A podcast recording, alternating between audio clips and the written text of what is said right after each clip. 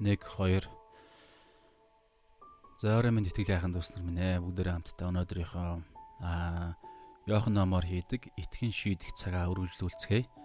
За тэгээд өнөөдрийн хэсэг бол Йохан за өнөөдрийн хэсэг бол Йохан 8 дугаар бүлгийн 39-оос 59 гэсэн хэсэг байна. Тэгээд бүгдээрээ хамтдаа залбираад энэ цагаа эхлүүлцгээе.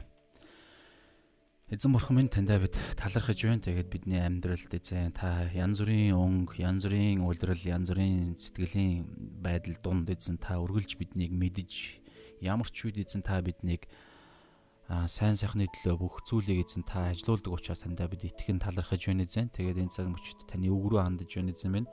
Өнөөдрийн үгээр дамжуулан эзэн та бидний оюун санаанд хүрээч эзэн. Тэгээ бидний оюун санаанд яг юу хийхтэйг таал мэддэг учраас бид өөрсдөө ч мэдэхгүй эзэн. Сул дорой. Тийм учраас тань руугаа хандж байна. Тэгээд өнөөдрийн үгээр дамжуулан хуваарийн дагуу өнөөдөр та өнөөдрийн хуваарийн дагуу өнөөдрийн үгээр дамжуулан та бидэнтэй яриач эзэн. Та бол ярддаг бурхан, та бол амьд бурхан эзэн.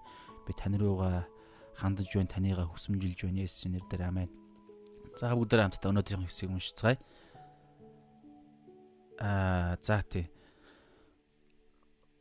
За тэгэхээр өнөөдрийн хэсэг бол Есүс ба Авраам гэсэн гарчигтай хэсэг байна. За би уншия. Тэд түүнд бидний эцэг бол Авраам гэсэнд Есүс тэдэнд хэрв та нар Авраамийн хүүхдүүд байсан бол Авраамийн үйлдэлснийг үйлдгсэн. Гэтэл Бурханаас үннийг сонсоод та нарт хэлсэн хүнийг буюу намайг одоо та нар алахыг оролдож байна. Авраам ийм юм хийгээгүй Та нар эцгийнхээ үйлсийг л хийж байна гэж айлдсанд тэд түүнд Садар самуунаас бид төрөөгүй. Бидэнд бурхан химээх нэг л эцэг байгаа гэв. Есүс тэдэнд хэрв бурхан та нарын эцэг байсан бол та нар намайг хайрлах байсан. Би бурханаас ирсэн билээ. Би өөрөө ирээгүй. Харин тэр намайг илгээсэн юм. Миний юу хэлж байгааг та нар яагаад ойлгохгүй байгаа юм байна вэ? Энэ нь та нар үгийг минь сонсож чадахгүй байгаагийн учир юм. Та нар эцэг диаволоосаа гаралтай учир эцгийнхээ хүслийг үйлдэхийг хүсдэг. Тэр чинь эхнээсээ алуурчин байсан бөгөөд түүнд үнэн үгүй тул үнэн дотор зогсдоггүй. Тэр худалч бөгөөд худал хуурамгийн эцэг учир худал хэлэхдээ жухам өөрөөсөө хэлдэг.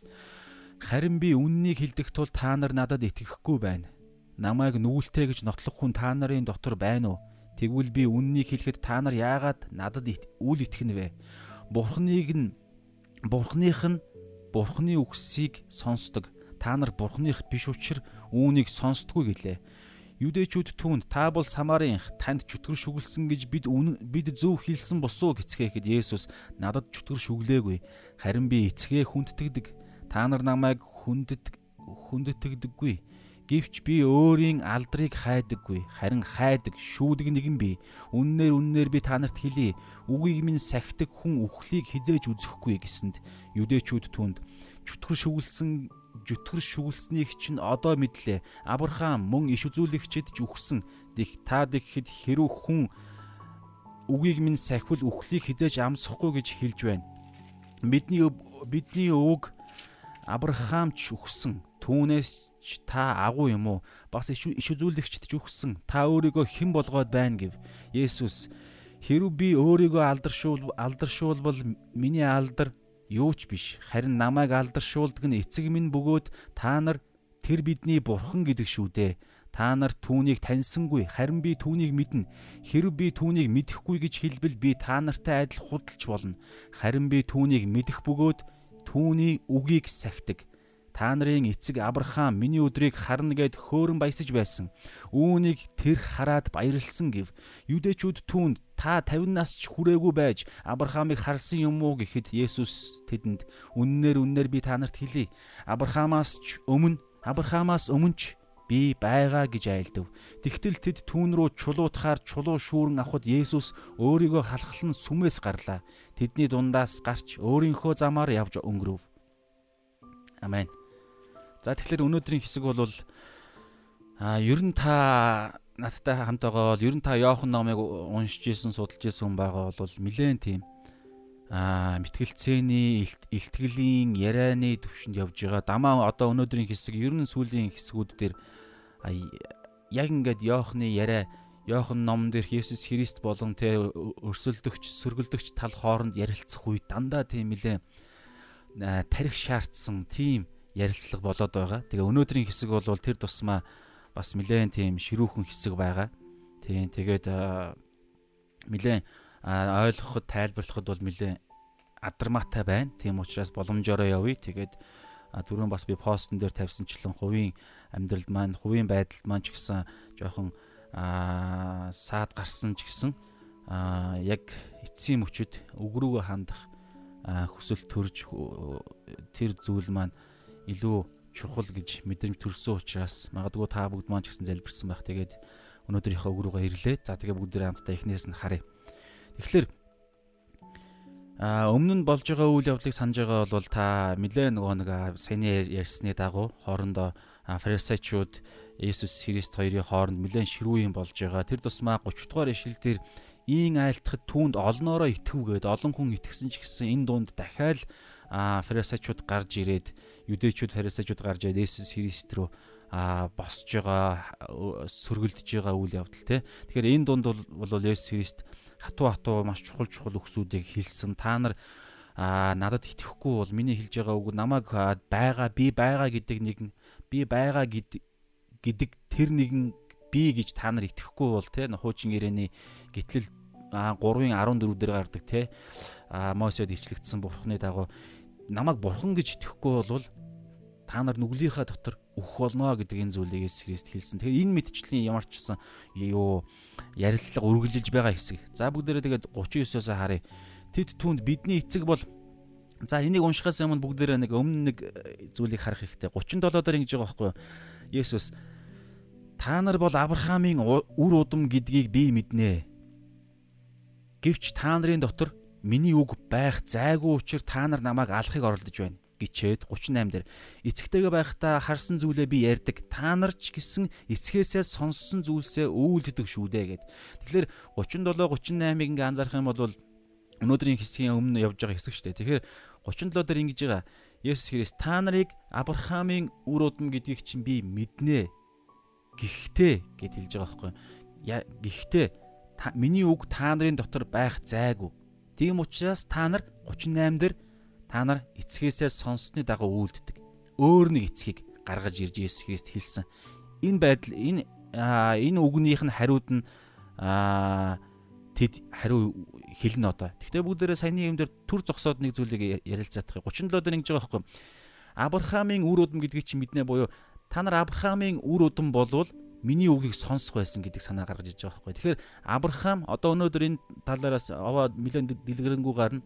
Авраамийн Авраам гол онцлог нь гол одоо тэр Авраам гэдгийг Авраам гэдэг хүний тэр гол одоо тэр мөн чанар нь Библиэлд бичигдсэн одоо энд яригдж байгаа Израилийн үг дээдс гэдэг байдлаараа тэр Авраамийн гол мөн чанар юу вэ гэхээр Бурхны үгийг сонсоод дуулууртай дагаад явсан Энэ хамгийн гол чанар ихгүй.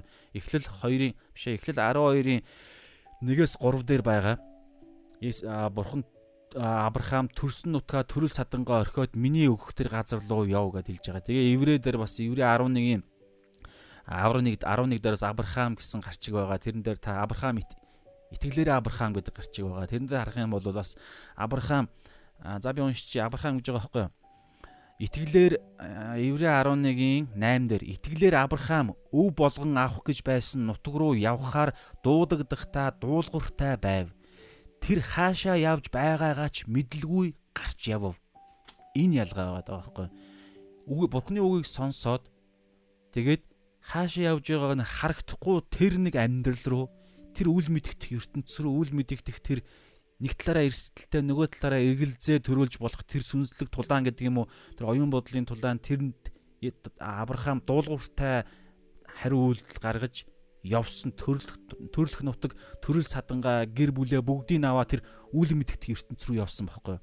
Тэгээд тэрний амьдрал нь Авраамийн амьдрал үхэн үхтлээ. Зөвхөн Авраам биш. Авраам, Исаак, Яаков гээд цаашаага үр удам дамжиж амлагдсан газрын төлөөх тэр итгэлийн аялал ингэж үр удам дамжиж байгаа. Шууд очиагүй.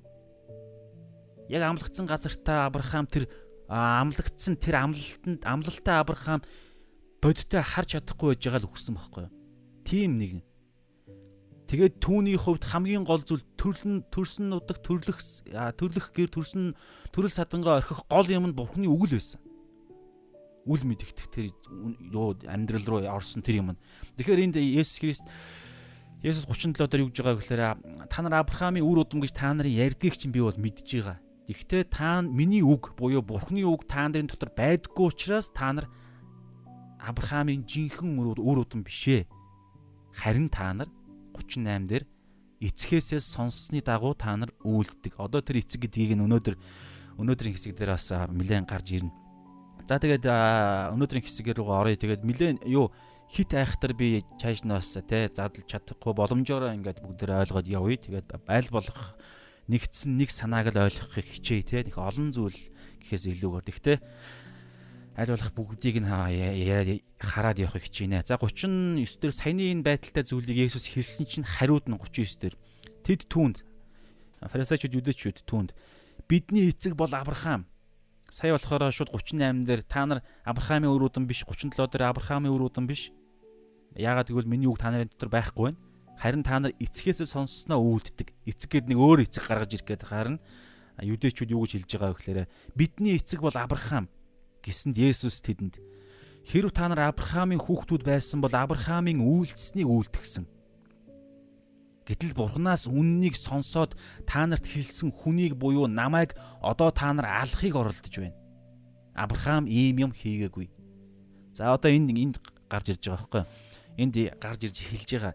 Тэгэхээр 39 дээр Тэд нар бидний эцэг бол Авраам. Бидний эцэг бол итгэлийн эцэг өвгдээд тест бид Израиль үндэстний эцэг бол Авраам гэж хэлэх үед Есүс Есүс те та нар Авраамийн хүүхдүүд байсан бол Авраамийн үйлдэлснийг үйлдэх байсан. Авраам юу үйлдсэн юм?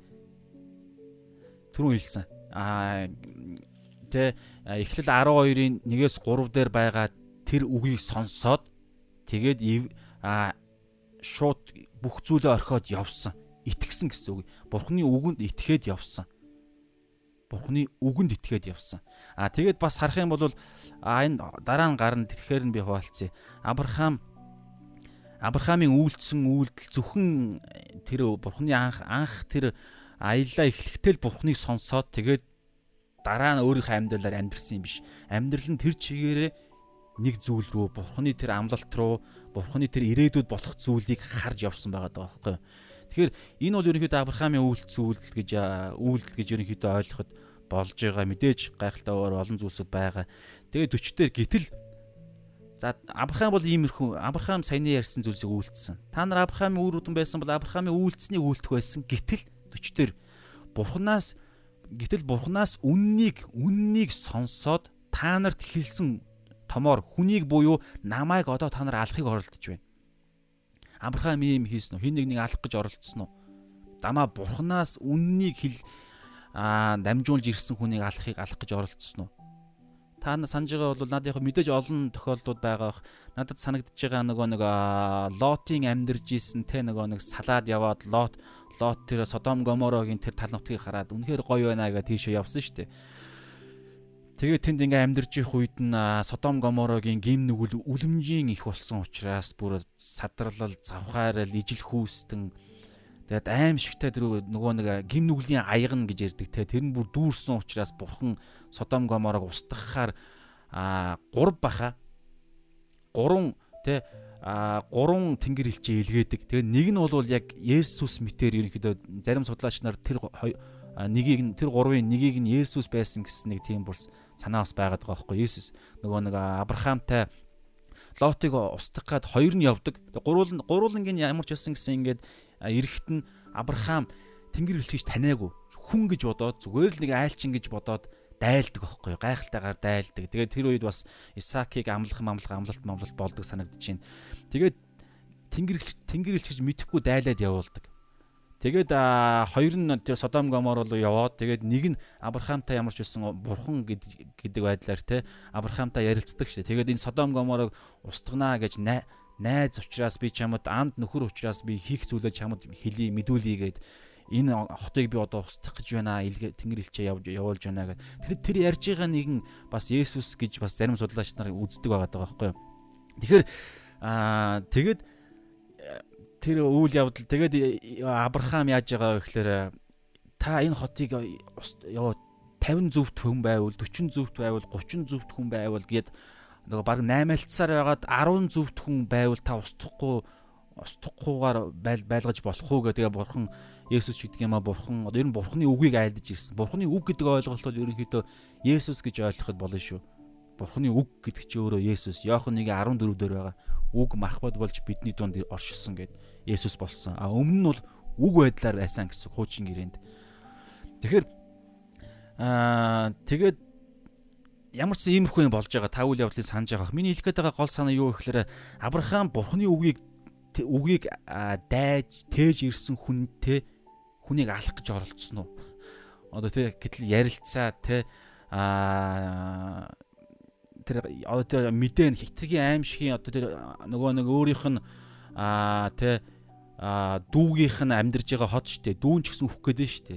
Гэтэл тийм зүйл дээр хүртэл тэнд тий одоо үнэхээр тэнд гайхалтай итгэлийнхаа даруй байдал бурхны эсрэг яаж тэхвтэй гол нь хэлэх гээд байгаа санаа бол Авраам ямар ч байсан тийм зүйл хийгээгүй мэдээж ойлгомжтой зүгээр. Тэрийг яахтар задлаадах шаардлага байхгүй те. Гэтэл энд Авраамийн үр удам гэсэн мөртлөө одоо энд байгаа Авраамийн үр удам гэж нэрлэгдсэн гарууд одоо энд юу хийж байгаа вэ гэхээр Бурханаас үннийг сонсоод тэднэрт хэлсэн хүнийг алах гэж оролдож байна гэж Есүс Христ шууд хэлж байгаа байхгүй. За ингэж хэлэх үед 41 дээр та нар бас дээр нэмжин те та нар эцгийнхээ үйлсийг л хийж байна гэж айлцсанд тэд түнд а садар самуунаас бид төрөөгүй бидэнд бурхан химээх нэг л эцэг байна. За энэ дээр 41 дээр сонирхолтой. Есүс ингэж хэлсэн тэд нарыг та нар эцгийнхээ үйлсийг хийж байна гэж хэлсэн. Эцэг Авраамийн үр удам бишгээд Есүс Христ баталчлаа штэ. Ямар ч байсан тэд нар итгэхгүй л дээ мэдээж. Гэхдээ Есүс тэрийг нь тодорхой баталсан. Авраам Бурханы хүнийг алах гэж оролдоогүй. Харин та нар Бурханаас ирсэн хүнийг алах гэж оролдож байна. Одоо энэ дээр бүр тэд нэр яахаач болцсон. Эсэргүүцгэж үгүйсгэж болцсон. Нэг хэсэг эхний нэг хідэн тохиолдлууд дээр бид таныг алах гаяа юу? Танд чөтгөрч үгэлжээ гэдэг нэг хэсгүүд явж исэн шүү дээ санаж байгаа. Одоо бол хараа та нар намайг алах гэж оролдож байна гэсэн чинь үгүй таны хэн алах гэсэн гэж хэлэхгүй байгааз 41-ийг харах юм бол тийм үг хэлэхгүй шууд өөр юм хэлээд хараа. Садас самунаас бид төрөөгүй бидэнд бурхан хэмээх нэг л эцэг байна. Тэгэхээр бурхан гэдэг эцэгтэй мөртлөө энд алах гэж оролдож байгаа гэдгээ үгүйсэхгүй байгаасаа. Тэгэхээр хүлээн зөвшөөр зөвшөөрж гинэ гэсэн үг. Есүсийг алахыг хүлээн зөвшөөрж гинэ гэсэн үг. Тийм ээ бид нар алах гэж байна. Гэхдээ бидний эцэг бол бурхан. Бидний эцэг бол Авраам. Иймэрхүү юм яваад байгаа гэсэн үг байхгүй. Тэг ямар ч байсан 41 дээр ингэж байгаа. Есүс Авраамийн үр удам та нар бишээ эцэг чинь та нар жинхэнэ тэр жинхэнэ тэр мөн чанар бурханлаг мөн чанартай Авраам та нарын эцэг биш гэчээд 41 дээр өөр нэг эцгийг гаргаж ирж байгааз та нар эцгийнхээ үйлсийг хийж байна. За энэ ямар эцэг вэ? Доор нь тодорхой болно гэсэн үг. Аа доор зааж энэ дээр байгаа. А 44 дээр та нар эцэг диаволоосаа гаралтай. Диавол гэдэг чинь чөтгөр шүү дээ, тий? Диавол та нар эцэг диаволоосаа гаралтай тул эцгийнхээ хүслийг үйлдэхийг хүсдэг. Тэр чинь эхнээсээ алуурчин. Дахиад ихнэ гэдэг үг явагдаж байгаа. Түрэн 41 дээр ингэсэн дээ та нар эцгийнхээ үйлсийг хийж байна байна гэж айлцсан тэд түндээ сата самраас төрөөгөө гэдгсэн чинь а энд энд л байхгүй мэн те тэгэхээр 44 дээр сая ингэж байгаа байхгүй юу эхнээсээ тэр чин та нарын эцэг диавол чинь эхнээсээ алуурчин байсан бөгөөд түүнд үнэн үгүй тул үнэн дотор зогсдоггүй тэр худалч бөгөөд худал хуурамгийн эцэг учир худал хэлэхээ чухам өөрөөсөө хилдэг яриа явж байгаа. Тэгэхээр би яагаад алгасаа 44 рүү орж байгаа гэхээр одоо 41 дээр ярьж байгаа эцэг гэдгийг нь сая харчлаа шүү дээ бид нар. Диавол гэж хэлж байгаа гэсэн. Тэгэхээр та нар эцгийнхээ хүслийг хийж байна гэж айлцсан. Тэгэхээр диаволын хүсэл юу вэ? Сая 44 дээр эхнээсээ алуурчин байсан. Эхнээсээ худал ярьсан. Худлаа худал хурамгаа өөрөөсөө хэлсэн гэж ярьж байгаа. Тэгэхээр 44 дээр эхнээсээ гэж байгаа тэр ойлголт хизээ болсон. За тэр Люцифер гэж ярьж байгаа те а тэр нэг тэнгэрэлж байж байгаа одоо чөтгөр болсон тэр хэсгийг бид нар яг хизээ хийсэн янз бүрийн онол монол сургаалууд элдв янзын байгаа. Ямар ч байсан тодорхой библиэлд бичигдсэн хамгийн ихний тохиолдол нь хизээ вэ гэхлээр Эхлэл номын 3 дугаар бүлэг дээр байгаа те. А бурхан нэг үг хэлсэн шүү дээ. Юу гэж хэллээ? Энэ модны жим саймон үдэлэгч модны жимсийг дунд нь эдийн засгийн гол тавиад голд баха. За дунд л гэчээ те Тэгээ энэ модны жимснээс идэх юм бол та нар шууд үхэн гэж хэлсэн. Үхэн. Идвэл үхэн. Тэгэхээр идүүл идүүлэх зүйл хийсэн. Үхэн гэдэг үгийг үхэхгүй гэж гаргаж ирсэн. Худлаа. Бурхны хэлсэн үгийг бурхан худлаа ярьсан гэж гаргаж ирээд үхэхгүй гэдэг үнэн хэлсэн мэт худлаа хэлсэн гэсэн үг. Та ойлгож байгаа л да. Тэгэхээр эдийн засаглалт а худал худал хуурмгийг Евад Адам Ева хоёрт хэлснээрээ тэднийг алсан бохгүй юу? Алсан. Бурхан хэлсэн шүү дээ энэ модны жимснээс идэх юм бол та нар шууд үхнэ гэсэн. Үхэхгүй гэж худлаа яриад ид гэж хэлснээрээ тэднийг алсан. Алсан. Тэр утгаараа 44 дээр та нар эцэг диаволоос гаралтай тул эхнээсээ эцгийнхээ хүслийг үйлдэхийг хүсч байна. Тэр чинь эхнээсээ алуурчин байсан. Эхнээсээ алуурчин байсан гэсэн үг. За тэгвэл Авраамаас юу Адам Явагаас өмнө сатан ч юм уу чөтгөр диавол хин нэг нэг алсан уу? Миний бодлоор миний бодлоор гэж угаасаа алсан. Хэнийг? За яг би яг тодорхой биш ч гэсэн юм ярьж байгаа ш. Юу гэхээр илчилт номон дээр тэнгэр тэнгэр элч нарын тэнгэрт тулаан болоод тэгээд бүх тэнгэр элч нарын тоог нь хилдэггүй зүгээр харьцаагаар 3-ны нэгийг нь аваад доошоогоо унлаа гэдэг ойлголт байгаа тий. Тэгэхээр бас унсан тэнгэр элч нар тэнгэр элч нар гэж ярьж байгаа. Тэд нар нь одоогийн чөтгөр болцсон чөтгөрүүд Тэгэхээр Люцифер өөрөө өөрөө үхлийг сонгоод зогсохгүй. Би урд нь хэлсэн шүү дээ. Үхэл гэдэг ойлголт бол яг бурхны одоо дүр төрхөөр бурхны тэр сүнслэг ойлголт сүнслэг тэр мөн чанараар нь бүтээгдсэн бүтээлд бидний ойлгодог үхэл гэдэг ойлголт яригддаг байхгүй. Бид нар болохоор үхэл гэхээр шууд байхгүй болоод ингээд махан би махуд нь ингээд газар шингээдээд а чандарлах юм бол ингээд үнс болоод ингээд нэг юм хүлээгээд ингээд юу ч хүү болж байгаа юм шиг ойлголтоо боддог бид нэ үхэл ихээр. Гэтэл эн чинь зөвхөн нэг хэмжээс аахгүй юу? Зөвхөн материаллык а энэ дэлхийн цаг хугацаа, орон зайтай материаллык матери матери бүхэн энэ дэлхийн хэмжигдэх үү. Гэтэл яг жин бодит байдал дээр үхэл гэдэг ойлголт чинь юу яригдж байгаа гэхээр Бурхны дүр төрхөөр за хадгуус амьтд дээр бидний ярьдаг ойлгодог үхэл гэж гэдэг ойлголт яригдчих болох юм гэж над зүгээр сая бодогдлоо. Сүнс байхгүй учраас. Бид нар сүнстэй учраас бидний хувьд дамаа эдэн цэцэрлэгтэй та нар энэ модны жимснээс идэх юм бол шууд үхнэ гэж хэлж байгаа тэр үхэл бол бидний ойлгодог үхэл биш байхгүй? Мэдээж мах махут нь махуд нь үхдэг болсон. Уг нь үхдэггүй байсан. Тэгээд Адам 930 наслсан гэх мэтчлэн. Гэхдээ бурхан ямар үхлийг ярьж байгаа вэ гэхээр тэр мөнхийн үхлийг ярьж байгаа. Тэр үхэл нь бидний ойлгодог үхэл биш. Ингээ байхгүй болдог үхэл биш. Юу вэ гэхээр бурхнаас саланг байх бурхнаас тустай байх ойлголтыг ярьдаг. Тэгээ бурхнаас тустай байхаар тийм аимшигтай юм уу гэхээр аимшигтай. Бүх зүйл бүх зүйлийг бурхан бүтээсэн. Тэгээ бурхан бүтээгт бүтээхдээ яг өөрийнхөө оршихуйд өөртөөгөө хамааралтайгаар бүтээсэн. Ямар ч бузар муу гимгүү а ямар ч хар толб харанхуй байхгүй Гэтэл анхны тэр нэг одоо энд ярьж байгаа тэр 44 дээр хэлж байгаа диавол буюу эхнээсээ алуурчин байсан, эхнээсээ худал хуурмаг өөрөөсөө худлаа ярьсан тэр нэгэн тэр нэгэн чинь өөрөө бардамлаасаа бурхантай адилхан болохыг сонгоод бурханаас салсан бохгүй юу? Тэрслэх үед бурхан түүнийг цөл цөлсөн гэсэн үг. Одоо өхүүлсэн гэсэн үг. Тэгвэл бодит байдал дээр оршоо болох биш. Өөрийнхөө оршихугаас холдуулсан. Тэгэхээр бурханы оршихугаас өөр ямар нэг оршихууг нь байхгүй байхгүй. Гэхдээ тэр гим нүгэл олдсон учраас тэр сатан гэдэг зүйл бий болоод хорон муу бий болсон учраас тэнд зориулж тэр бузар мууг бузар мууг ингэж шийтгэж яллаж тэднийг ингэж хорихын тулд тэр галтнуур гэдэг ойлголт байгаа байхгүй тэр там гэж хэлдэг галтнуур гэж хэлдэг. Тэгээ бурхны оршихугаас өөр тустай байх нэг л оршихуй байгаа нь тэр галтнуур. Тэгээд Тэр чинь өөрөө өхөл гэдэг ойлголт. Бурханаас тустай байх. Тэгээ бузар муугийн шийтгэл нүглийн хөлс бод өхөл гэж байгаа юм чинь тэр ял шийтгэл бузар мууг сонгосон учраас тэнд мөнхөд бурхны уур хилэн хүртэж байгаа байхгүй. Ийм сайн сайхныг дэрслээд а боссон учраас сайн сайхныг авахгүй гэж байгаа бол одоо уур хилэн гав гэд сатан чөтгөрүүд нөгөө түрүүн ярьсан чөтгөрүүд тэгээд люцифер сатан өөрөө өөрийгөө үхүүлсэн гим үлдэж байгаа. Дээр нь нэмээд тэр тэнгэр элч нарыг бас хууруулж тэднийг ч гэсэн алсан гэсэн санаа надад зүгээр бодогдож л байна л та. Адамаас өмнө гэдэг юм дээр ярихад зүгээр сонирхолтой гэдэг утгаараа л ярьлаа. Түүнээс яг Библиэлд бол хамгийн анхны аллага бол Адам Ява хоёрыг сатан чөтгөр одоо энд могоо бол алсан гэсэн үг. Яг энтэй адилхан 41 дээр тэгж штэ та нар эцгийнхээ хүслийг үйлдэж чинь. Эцэг яагаад диавол фарисеучуд одоо энд байгаа энэ хүмүүсүүдийн эцэг нь болчихов. Гэхдээ мэдж байгаа та угаасаа мэдж байгаа зүгээр дээр нэмээ дахиад ярихад саяны ярьсан ойлголтын дунд гим нүгэл үлдсэн а загтлууд дээр байгаа Адамаар анхны хүн Адамаар дамжуулж ертөнцид нүгэл орж ирсэн гэж байгаа. Нүглээр дамжуулж үхэл орж ирсэн гэж байгаа байхгүй юу? Ром дээр байгаа. Адамын Адам Явагийн за Адамаа гэдгээр нь ярина л да. Адамын гим нүглэр ер нь бол хүн төрлөختний эр хүн гэдэг ойлголтоор ер нь ингээ базаад ярьчт юм хэлээ шүү. Эр хим гэж ярьдаггүй.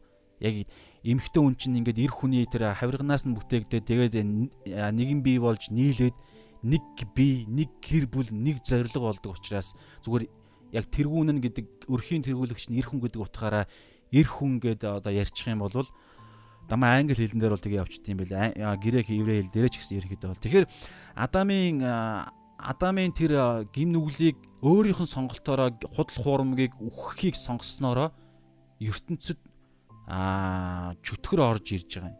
Тэгээ тэр Адамын Адам чинь 930 наслсан гэж явж байгаа шүү дээ. Тэгэхээр үхдэг болж эхэлж байгаа юм. Тэгээ хүний аа хүний тэр Адамын үйлдсэн тэр гим нүгэл чинь ингээ бурхнаас дотор нь байсан ариун сүнс нь бурхан нь ингээ салаад эдэн цэцэрлэг энэ бурхны оршихуй энэ дэлхийн оршихуй хоёр а эдэн цэцэрлэгээр ингээ огтлцдог байсан боловч гим нүгэл үйлдснээс болж гим нүгэл бурхны оршихуйд байх боломжгүй учраас эдэн цэцэрлэгээс хөөх хөөсөн шүү дээ. А эхлэл 3 дээр байгаа байгаа шүү дээ тий Тэгээд эдэн цэцэрлэг салж байгаа юм. Тэгээд тэндээс эхлээд яаж байгаа вэ гэхээр хүн яг өөрийнхөө сонгосныхоо дагуу бурхны аа тэр гайхалтай үрийг амийн гэж үлээж оруулсан амин амьсгал үрийг тэгээ тэр сайн сайхан тэр сүнслэг байдлыг дамжуулах биш хорон муу тэр бузар муугийн тэр үхлийн нүглийн үрийг дамжуулдаг болж байгаа байхгүй. Тэгээд энэ дэлхийн ертөнц чинь бас хараагдаж эхэлж байгаа. Энэ дэлхийн ертөнцийн элдв янзын өөрчлөлтүүд орж байгаа. Янз бүрийн өөрчлөлтүүд орж байгаа. Ярил бүх одоогийн байдал чинь тэндээс эхэлж ингэж цаашаа гурууцсан гэсэн. Тэгэхээр анхны тэр үрийг нь үрийг нь могоо тарьсан учраас худал хурамгийн үрийг тэгэхээр тэр үр одоо жишээ нь эцэг хүн эцэг а ээж ээж хүн хүүхдийг тээдэг эцэг хүн болохоро те а одоо тэр амийг нь одоо юу гэдэг юм амийг нь цусыг нь тэр тусмаа тэгж дамжуулдаг гэсэн ойлголт байгаа шүү дээ. Тэгээд эцэг хоёр хүний тэр үрийн шингэн гэдэг тэр ойлголт те ингэж нэгдэх үедээ эцэг нь ерөнхийдөө бол а ам өгнө гэсэн санаа байгаа байхгүй юу? Эцгийн тэр цус, эцгийн ген гэдэг байдлаар ер нь яваад байгаа. Тэгэхээр а Люцифер тэр могоо анхны үрийг худал хурамгийн үрийг ертөнцид оруулж ирснээрээ худал хурамгийн эцэг болчихж байгаа байхгүй юу? Тэгэхээр худал хурамгийг үйлдэж байгаа хүн болгон диаволын сатаны үр удам болчихж байгаа байхгүй юу? Бурхных биш бол автоматар сатаны үр удам. Тэр тийм тийм учраас энд Есүс Бурханаас ирсэн хүнийг алах гэж оролдож байгаа учраас аллах гэдэг бол дамаа Бурханаас ирсэн хүнийг одоо энэ дараагаар нь хэлж байгаа. Та нар намайг гим үлдсэн гэдгийг батлаараа батлаадах, нотлоодох гэж ярьдаг. Тэгэхээр тэр чаддаггүй, чаддаггүй. Тэгэхээр гимгүү гэж нотлж чадахгүй байж алах гэж байна гэдэг чинь ойлгомжтой. Диаволын тэр анхны ямар ч гимгүү байсан Адам Ява хоёрыг алсан шигэ энд ямар ч гимгүү Есүсийг бас алж байгаа яг автоматар үйлдэл. Дээр нь нэмээд Эхлэл 3:15 дээр юу гэж байгаа вэ гэхээр Люциф а сатаныг бурхан сатанд а ирээдүйд сатаныг устгах болно гэдгээ хилдэг шууд. Энэ эмхтэн чиний алсан, чиний худал хуурмгаар энэ энэ хохироосон алсан энэ эмхтэн үр удмаас нэг үр удам чиний толгойг бяцлах болно Харин чи бяцлагдж байхдаа тэмдэг болгож те чи түүний өсхийг нь одоо хатгах болно те хадах болно няцлах болно гэж хэлдэг. Энэ загалмай дээр биелсэн. Гэхдээ одоо энэ мэдэхгүй байхгүй юу? Тийм учраас аа тийм учраас яаж байгаа гэхээр түүхний дур түүхэн явцад яг хинэн вэ гэдгийг сатан мэдэхгүй байсан. Тийм учраас Адам Евагийн үр удмын хамгийн анхны үр удам болох Каинаас эхлээл Каин Абель Сет гэж явж байгаа шүү дээ. Каинаас эхлээл алах гэж оролцсон. Аллах бурхны үр удам өөрийг нь хизээ нэгэн цагт хизээ гэдэг нь тодорхойгүй хин гэдэг нь тодорхойгүй өөрийг нь алах мөнхөд алах тэр нэгэн аа бурхны сонгосон нэгэн хүнийг сатан чөтгөр энэ дэлхий дээр одоо захирж байх хугацаанд алах гэж оролдож янз бүрийн юм хийсэн байхгүй юу? Каин Абель бурханлаг хүн байсан учраас ахаар нь дамжуулж Каиныг алсан. Та санаж байгаа шүү дээ. Бурханлаг байсан учраас тэгсэн чинь бурхан сетийг рүүлчихэж байгаа байхгүй. Тэгээд сетэр үр удам нь эхэлж байгаа. Гэтэл ингээл явдаг, явсаар байгаа, явсаар явсаар явсаар явсаар ингээ харах юм бол бурханы үр удмыг ингээл сатан алах гэж алгасан орлогоо түүхэн түүхүү явцад бүр байн болж байгаа. Тэгээд анзаарах юм бол еврейчүүдийг ерөнхийдөө дэлхийн ертөнц ямар нэгэн байдлаар ингээл нэг тийм хавчдаг та анзаарах юм бол еврейчүүдийг, юдэчүүдийг дэлхийн 2 дугаар дайн байна. Ромын дээр 70 оны айхтар юу вэ? Тэгэхээр энэ бүх зүйл чинь дэлхийн ертөнц яагаад еврейчүүдийг ингэж гадуурхах ямар нэгэн тийм даалт юм цаанаа яваад идэг вэ гэхээр лавл загалмаа загалмаа үйл явдлаас өмнө бол тийм зүйл бүгд сатаны зүйлсүүд байхгүй. Одоо ч гэсэн юм байгаа. Яагаад вэ гэхээр одоо яагаад гэвэл а загалмаа дээр Есүс өөрийг нь ялцсан гэдгийг сатан мэдсэн шүү дээ. Тэгвэл одоо яагаад нэгэнд ялт болцоод байхад яагаад одоо ч гэсэн еврейчүүдийг гадуурхасаар ямар нэгэн байдлаар тэнд одоо тэр дайн дажин элдв янзын зүйл байгаад байгаа вэ гэхлээр дахиад хоёр дахь хэрэлт гэхгүй. Есүсийн эхний хэрэлт аа тэр эмгхтэй өр үдмтэй холбоотой хоёр дахь хэрэлт ч гэсэн ялгаа байхгүй. Еврейчүүдтэй холбоотой байхгүй. Еврейчүүд итгэлд ирсэн цагт Есүс Христийн хоёр дахь хэрэлт гэсэн тэмдэг аа нэг тийм нөхцөл байгаа шүү дээ. Мэдээж ирэх тодорхой хизээ ирэх нь цаг хугацаа нь бол хулгайч мэт боловч наан нь биелэх зүйлсүүд дунд нь тэр бас байгаа байхгүй. Бурхны ард түмэн эргээд бурхан дээрээ ирэх гэдэг тийм ойлголт байгаа байхгүй. Бурхан дээрээ ирэх. Одоо бол ерөнхийдөө бол юдэн шашин занхилж байгаа бас мусульман ч юм уу те юдэн шашин баха. Тэгэхээр эргээд яг жинхэнэ одоо энэ Христ итгэл Христ итгэл буюу энэ яг одоо жинхэнэ Библийн дагуу энэ сайн мэдээг хүлээж авах Израильчууд ингэж хүлээж авах тэр үед хоёр туудагаа ирнэ. Есүс Христ хоёр дахь удаа ирэхээр чөтгөрийг бүр мөссөн шийтгэн.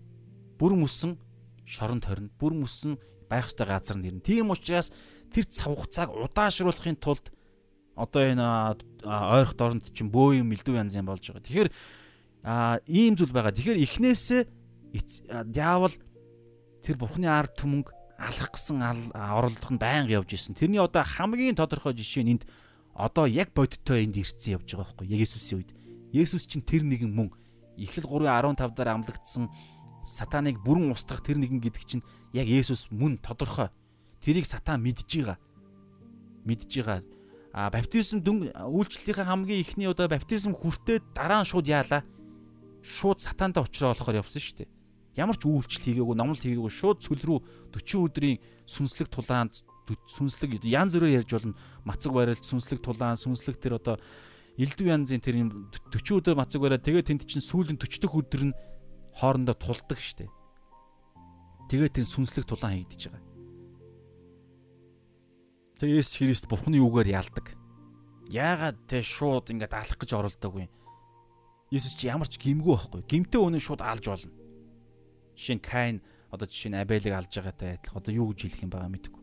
Гэтэл Есүсийн хувьд өөрөөр үзэх ёстой хуулийн дагуу ирсэн учраас хуулийн дагуу нэг ч гимгүү учраас сатаанд шууд алах боломжгүй байхгүй ямар нэгэн байдлаар шалтгаан байхгүй Есүсийг шууд алах. Тийм учраас дандаа тийм одоо энд болж байгаа үйл явдал ийм ийм янз бүрийн ийм арга залиар Есүсийг алах гэж оролдож байгаа. Тэгээд тэр алах ёстой угаасаа тэрийг сатан алаад ялна гэж бодож байгаа. Гэхдээ тэр нь үгүй. Эсэргээр ялагдах гэдгээ бурхны одоо жоохон хэтрүүлж ярихад бурхны залийг сатаны зал яаж гүйцэхвдэ. Тийм учраас тэр бурхнаас илүү залтай гэдэг жоохон сөрөг байдлаар ярихад мэрэгүү ухаантай илүү гайхалтай төгс оюун ухаантай шүү дээ тий. Гэхдээ зал гэдэг утгаараа ярих юм бол сатанаас илүү залтай нэгэн бидний аав эцэг байхгүй юу. Тийм учраас бид сатанаас сатанд хууртагдах энэ амьдрал биднэрт байх а зохимжгүй байгаад байгаа ариун сүнстэй учраас. За тэг бүгдээрээ харъя шаашаага. Тэгэхээр 41 дээр бол саяны ойлголтыг ярьж байгаа юм. Тэгж хэлсэн чинь аа тэд нар ингэж хэлсэн. Садар самуунаас бид төрөөгүй. Бидэнд бурхан химээх нэг л эцэг байдаг. Бурхан химээх нэг л эцэг байдаг. Тэгэхээр аа садар самуу яг англи хэл дээр бол fornication гэдэг үг байгаа. Яг л садар самуун, завхаарал, садар самуун гэдэг хоёр үгнийх нь садар самуу гэдэг үг багхгүй юу? Аа тэ яг биеийн бэлгийн биеийн завхаарлын үг нь англи үг нь. Гэхдээ энд юу ямар утгаар яригдж байгаа гэхээр одоо энэ дэр өөртөө хэлж байгаа зү. Садар самуунаас түрүү урд нь ингэсэн штэ. Та нар эцгийнхээ хүслийг үйлддэг. Шууд чөтгөрийнхээ хилцсэн байхгүй ерөөхдөө. Тэр үед хариу үйлдэлний юдэчүүд нөгөө нэг фарисеучуд юу гэж байгаа гэхээр бид садар самуунаас төрөөгүй. Юу? энд сүнслэг эцэг мэцэг сүнслэг юм аа юм ярьж хахад гинт яагаад биеийн мах бодийн садар самуу яриад эхлэв гэж бодогдохоор. Гэхдээ Библиэлд мах бодийн садар самуу гэж ярьдаг. Сүнслэг садар садарлал гэж ярьдаг. Сүнслэг садарлал нь ямар төлөв байдлыг хилдэг вэ гэхээр одоо энэ дээр өөрөөсөө гаргаж ирж байгааз садар самуунаас бид төрөөгүй. Бидний а одоо төр төрөлт ярьж байгаа бидний эцэг бол садар садарлагч тэр нэгэн биш. Садарлагч хин түрүүн хэлсэн Люцифер биш сатан. Сатан өөрөө садарлсан шүү дээ. Одоо сүнслэг садрал гэж юу ярьж байгаа вэ гэхээр энэ аахгүй бүх зүйл бурхнаар бүтээгдсэн. Бүх тэнгэр элчнаар анх Люси энэ чөтгөр өөрөө бузар муугаар дээр Изекэл 38 Исая 14 дээр байгаа тэр бузар муу дотроос олдохоос өмнө өөрөөсөө бузар мууг бий болохоос өмнө төгс гайхалтай тэнгэр элч байх байхыг тэнгэр элчээр бурхан түүнийг бүтээсэн байхгүй юу? Бурхан ямар ч хорон мууг бүтээгээгүй. Харин хитрхи төгс хитрхи үзэгсэлэнтэй бүтээсний баг гай гэдэг юм уу бардамнаад эхэлсэн байхгүй. Тэгэнгүүтлээ бурхантай адилхан болох гээд болох гээд би бурхны үйлсийн дээр би синтигээ засна. Би бурхны уулан дээр би гарна гэд Изекэл 38 дээр байгаа, Исая 14 дээр байгаа. Өөрт нь өгсөн гоё юмыг авангуутлаа эргээд би ийм хүчтэй юм чинь надад өгсөн гэж томроод байгаа энэ бурхантай би яагаад доорн байх ёстой юм? Би түүний дээр гар, түүнтэй би энэ тэнцүү гарна гэж ингэж зүйлийг өөрөө бий болгоснороо яаж байгаа вэ гэхээр садарлыг хийж байгаа байхгүй бурхнаар бүтээгдсэн. Бурхан бүтээл бүтээгч бүтээл хоёр хамтдаа ингэж гайхалтай нэг нь нэгнийгаа бүтээл нь бүтээгчээ хүндлэх бүтээгч нь бүтээлээ халамжлах хайрлах гэдэг ийм төгс харилцаатай байхаар бүтээгч бүтээсэн бохгүй юу? Ер нь альва бүтээлүүдээ тэрний хамгийн төгс одоо зүйл нь юу вэ гэхээр хүн бохгүй хүн ингэж бүтээгдэх хэвээр. Тэгэхээр ийм гой гайхалтай одоо гэрээний харилцаа гэж ярьж болно. Ийм гайхалтай харилцаатай байтал хүн сонголтоороо өө үгүй нөгөө их а гэр бүл болоод ихнэр нөхөр болоод те насан турштай хайрлан үхлээс өөр юу салахгүй гэж хэлчээд дундаасаа өөр нэг эмхтэйг хараад тэр нь бол одоо ярьж байгаа юм дээр бол могоо аахгүй юу тэр а тэр могоон хэлж байгаа илэрхийлэл бид нар өөрсдөө та нар яг хилдэг аахгүй юу эхлэл 3 дээр байгаа та нар энэ модны жимснийг идвэл бурхантай адил болно гэж хэлдэг яг Люцифер өөрөө яг анх тэр яг ийм байдлаар хормог бий болгосонд яг тэр аргаараа хүн төрлөختөнд хэлж байгаа байхгүй. Тэгсэн чинь хүн төрөл Адам Ева хоёр яаж байгаа гэхээр идэхэд Библи дээр эхлэл 3 дээр байгаа тэр жимсийг хараад нүдэнд тэ одоо тааламжтай идэхэд амттай харагдсан учраас харж гинөө. Бурхны үгээс хазаагаад тэр могоон хилсэн өөр эмхтэй гэсэн үг байхгүй. Өөр ихнэртэй мөртлөө өөр эмхтэйг хараад тэр нь шунаад Тэгээд тэр эмэгтэйтэй завхааралд ордог хөхгүй. Тэр нь түүхэндээ бол могоон үгэнд итгээд тэр модны жимсийг иддэг. Битгий дээрээ гэж энд хэлээд нөхөр нь хилсээр байтал гэдэг юм уу те одоо юу гэдэг тэр ихний ихний нөхөр ялгаа байхгүй. Тэгээ ийм сүнслэг сүнслэг завхаар гэж ярьдаг. Тэр утгаараа тэд нар өөрсдөө маш сайн ойлгож байгаа. Аа та нар бол диаволын үр удам гэх юм бол нөгөө завхаарагч диавол уу гэж тэд нар баг ярина гэсэн үг садралсан диавол уу гэж ярина гэсэн үг. Анх бурхнаар бүтээгдчихэд бурхны тэ үйлчлэх бурхантай хамт байхаар бүтээгдчихэд садарлан завхаарч өөрөө тусдаа өөр замыг сонгосон. Гэрлэлтийн замаа болсноо нууц амаргийн замыг сонгож байгаатай адилхан юмыг Люцифер хийж диавол чөтгөр болсон учраас шууд та бидний бас тэгэхээр садралж ийн гэж хэлэх гээд байна гэсэн санаа. Тэгэнгүүтлээ бидэнд бурхан химээх нэг л эцэг байна гэж байгаа гэж байгааз нөгөө хоёр эцэг биш. Ерөнхийдөө бол энэ дэлхий дээр хоёр эзэн гэж ярьж байгаа хоёр эцэг гэж ярьж байгаа байхгүй. Нэг нь яг албан ёсны жинхэнэ эцэг болох бурхан аав. Нөгөөх нь худал хуурмгийн алуурчин эцэг болох диавол чөтгөр байхгүй. Тэгэхээр эндээс өөрсдөө сая хэлэг хэлнгээ бид садар самуунаас төрөөгүй бидний эцэг садар самуун биш бидний эцэг бол бурхан гэж хэлж байгаа зү тэ аа мэдлэгтэй энэ чинь мундаг багш штэ тэгм учраас гоё ярьж байна энэ маш гоё ерөнхийдөө харьцуулалт нь гоё илэрхийл гэхдээ Есүс Христ 42 дээр Хэрв бурхан та нарын эцэг байсан бол та нар намайг хайрлах байсан. Би бурханаас ирсэн билээ. Би өөрөө ирээгүй харин тэр намайг илгээсэн. Тэгэхээр энэ бол зүгээр факт байхгүй юу? Бурханыг хайрладаг, бурхан бол миний эцэг гэж хэлсэн бол тэр нь үнэхээр үнэн байсан бол тэр хайрладаг эцэгтэйгээ үргэлж харилцаатай байж штэ. Нөгөө ихнэр нөхөр чинь байн хамт явах амьдралтай шүү дээ. Тэрнтэй адилхан тэрний цаад тэр том жинхэнэ биелэл болох тэр бурхан хүндрэлтний харилцаа чинь үнэхээр хайрладаг бол үргэлж хамт байдаг. Бурханыхаа гэрэл дотор байн явдаг. Эдэн цэцэрлэгт Адам яв хоёр бурхантай хамт явж исэн шиг байн явдаг тийм. Үнэхээр байн явдаг болвол а түрүүний тэр хальт ярьсан жишээн дээр Авраамд тасалдсан уу юу? Авраамд Авраамд тэгээ юу хийхээ би анд нөхөртөө юу хийхээ хэлэхгүй гэж үгээд Содом Гоморыг устгахаа хэлсэн шиг хэлэх байхгүй юу? Би удахгүй месияг илгээнэ гэд. Үнэхээр бурхны хүүхдүүд мөн л байсан бол хэлэх байсан. Нэгдүгээрт, хоёрдугаарт хэлсэн. 2000 жилийн турш 330 гаруй иш үзүүлэгчдэр хэлсэн. Бурхны хүүхэд уг нь мөн байсан. Байр байр суурна. Гэтэл тэд итгээгүй. Энэ хүн гэж итгээгүй, харж чадаагүй. Хангалттай тэмдэг байсаар байтал тэд итгэхгүй байхыг сонгосон. Энүүгээрээ юу хэлж байгаа вэ гэхээр энэ бол зүгээр факт. Та нар бурхны хүүхдүүд биш.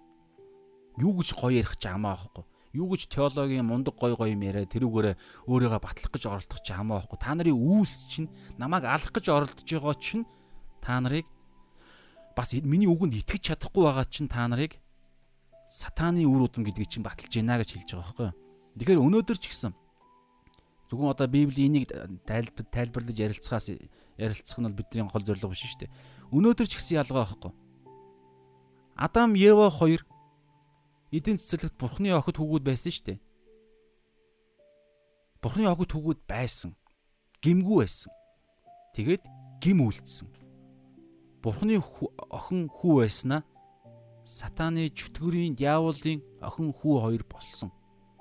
А мэдээж тэгсэн ч гэсэн дараагаар нь дахлаар дамжуулж ингэж тийм а тэ ингэж нөгөө нэг бурхан руу очих тийм нэг юм цус ам ам ам үхэж нэг ам ам золиослогдож очих тийм одоо тийм ярьсан. Гол нь тэндээс эхлээд үр ороод ирж байгаа байхгүй. Яг Адам Ява хоёр одоо үүдний яг диаволынх байсан хамт байгаа маа гэж хэлэхгүйгүй шүү.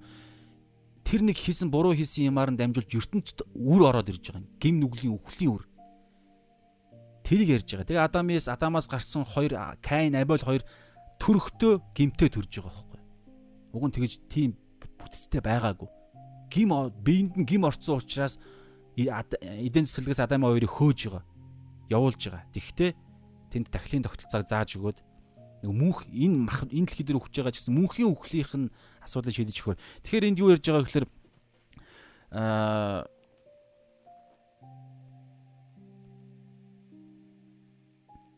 42 дээр те хэрв хэрв бурхан та нар эцэг байсан бол та нар намайг хайрлах байсан те а би бурханаас ирсэн билээд харин тэр ирээгүй би би өөрөө өөрөөсөө ирээгүй те харин тэр намайг илгээсэн.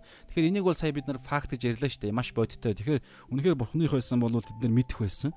Тэр маш тодорхой иш үзүүлэлгүй байсан гэвч чадаагүй. За 43 дээр яваа бүгдээрээ. А миний юу хэлж байгааг та нар яагаад ойлгохгүй байна вэ? Энэ нь та нар үгийг минь сонсож чадахгүй байгаагийн учир юм аа. Та нар эцэг диаволоос гаралтай тул эцгийнхээ хүслийг үйлдэхийг хүсдэг. Тэр чинь эхнээсээ алуурчин байсан бөгөөд түүнд үнэн үгүй тул үнэн дотор зогсдоггүй. Тэр худалч бөгөөд худал хурамгийн эцэг учир худал хэлэхдээ чухам өөрөөсөө хэлдэг. Энд дээр нэг хид хидийн байгаа юм. Хид хидийн ерөнхийдөө ойлгомжтой. Тэгэхдээ хид хидийн би бас нэмэлт нэг аа байдлаар сая бодоод олсон юм а ойлгосон юм а тантай хуваалцъя. Тэгэхээр 43 дээр ингэж байгаа Миний юу хэлж байгааг та нар яагаад ойлгохгүй байна вэ? Яагаад Бурхны хэлсэн үгийг, Библийн хэлсэн үгийг ойлгохгүй байна вэ гэдэг асуудал байгаа байхгүй юу? Энэ нь та нар үгийг минь сонсож чадахгүй байгаагийн учир юм аа. Тэгэхээр 2 дугаар Коринт 4-ийн 4 дээр хардаа нэг ийм ишлэл байгаа. Энэ 90 үеийн бурхан үл энэ энэ 90 үеийн бурхан үл итгэгчдийн бодол санааг сохолсон учраас тэр бурхны дүр болох Христийн алдрын тухай сайн мэдээний гэрлийг үзэхгүй болжээ гэж байгаа.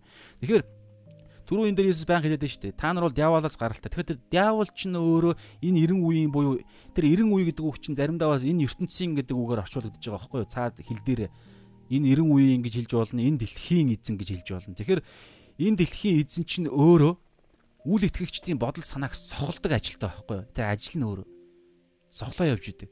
Тэгээс сохор хүн чинь өөрөө яг тэгтээ махбодын энэ физик физиологийн сохор биш учраас харж чадчихна гэж ойлгоод байдаг. Ойлгож ийн харж ийн. Тэгтээ цаад сүнслэг нүдийг нь соглох чадaltaй.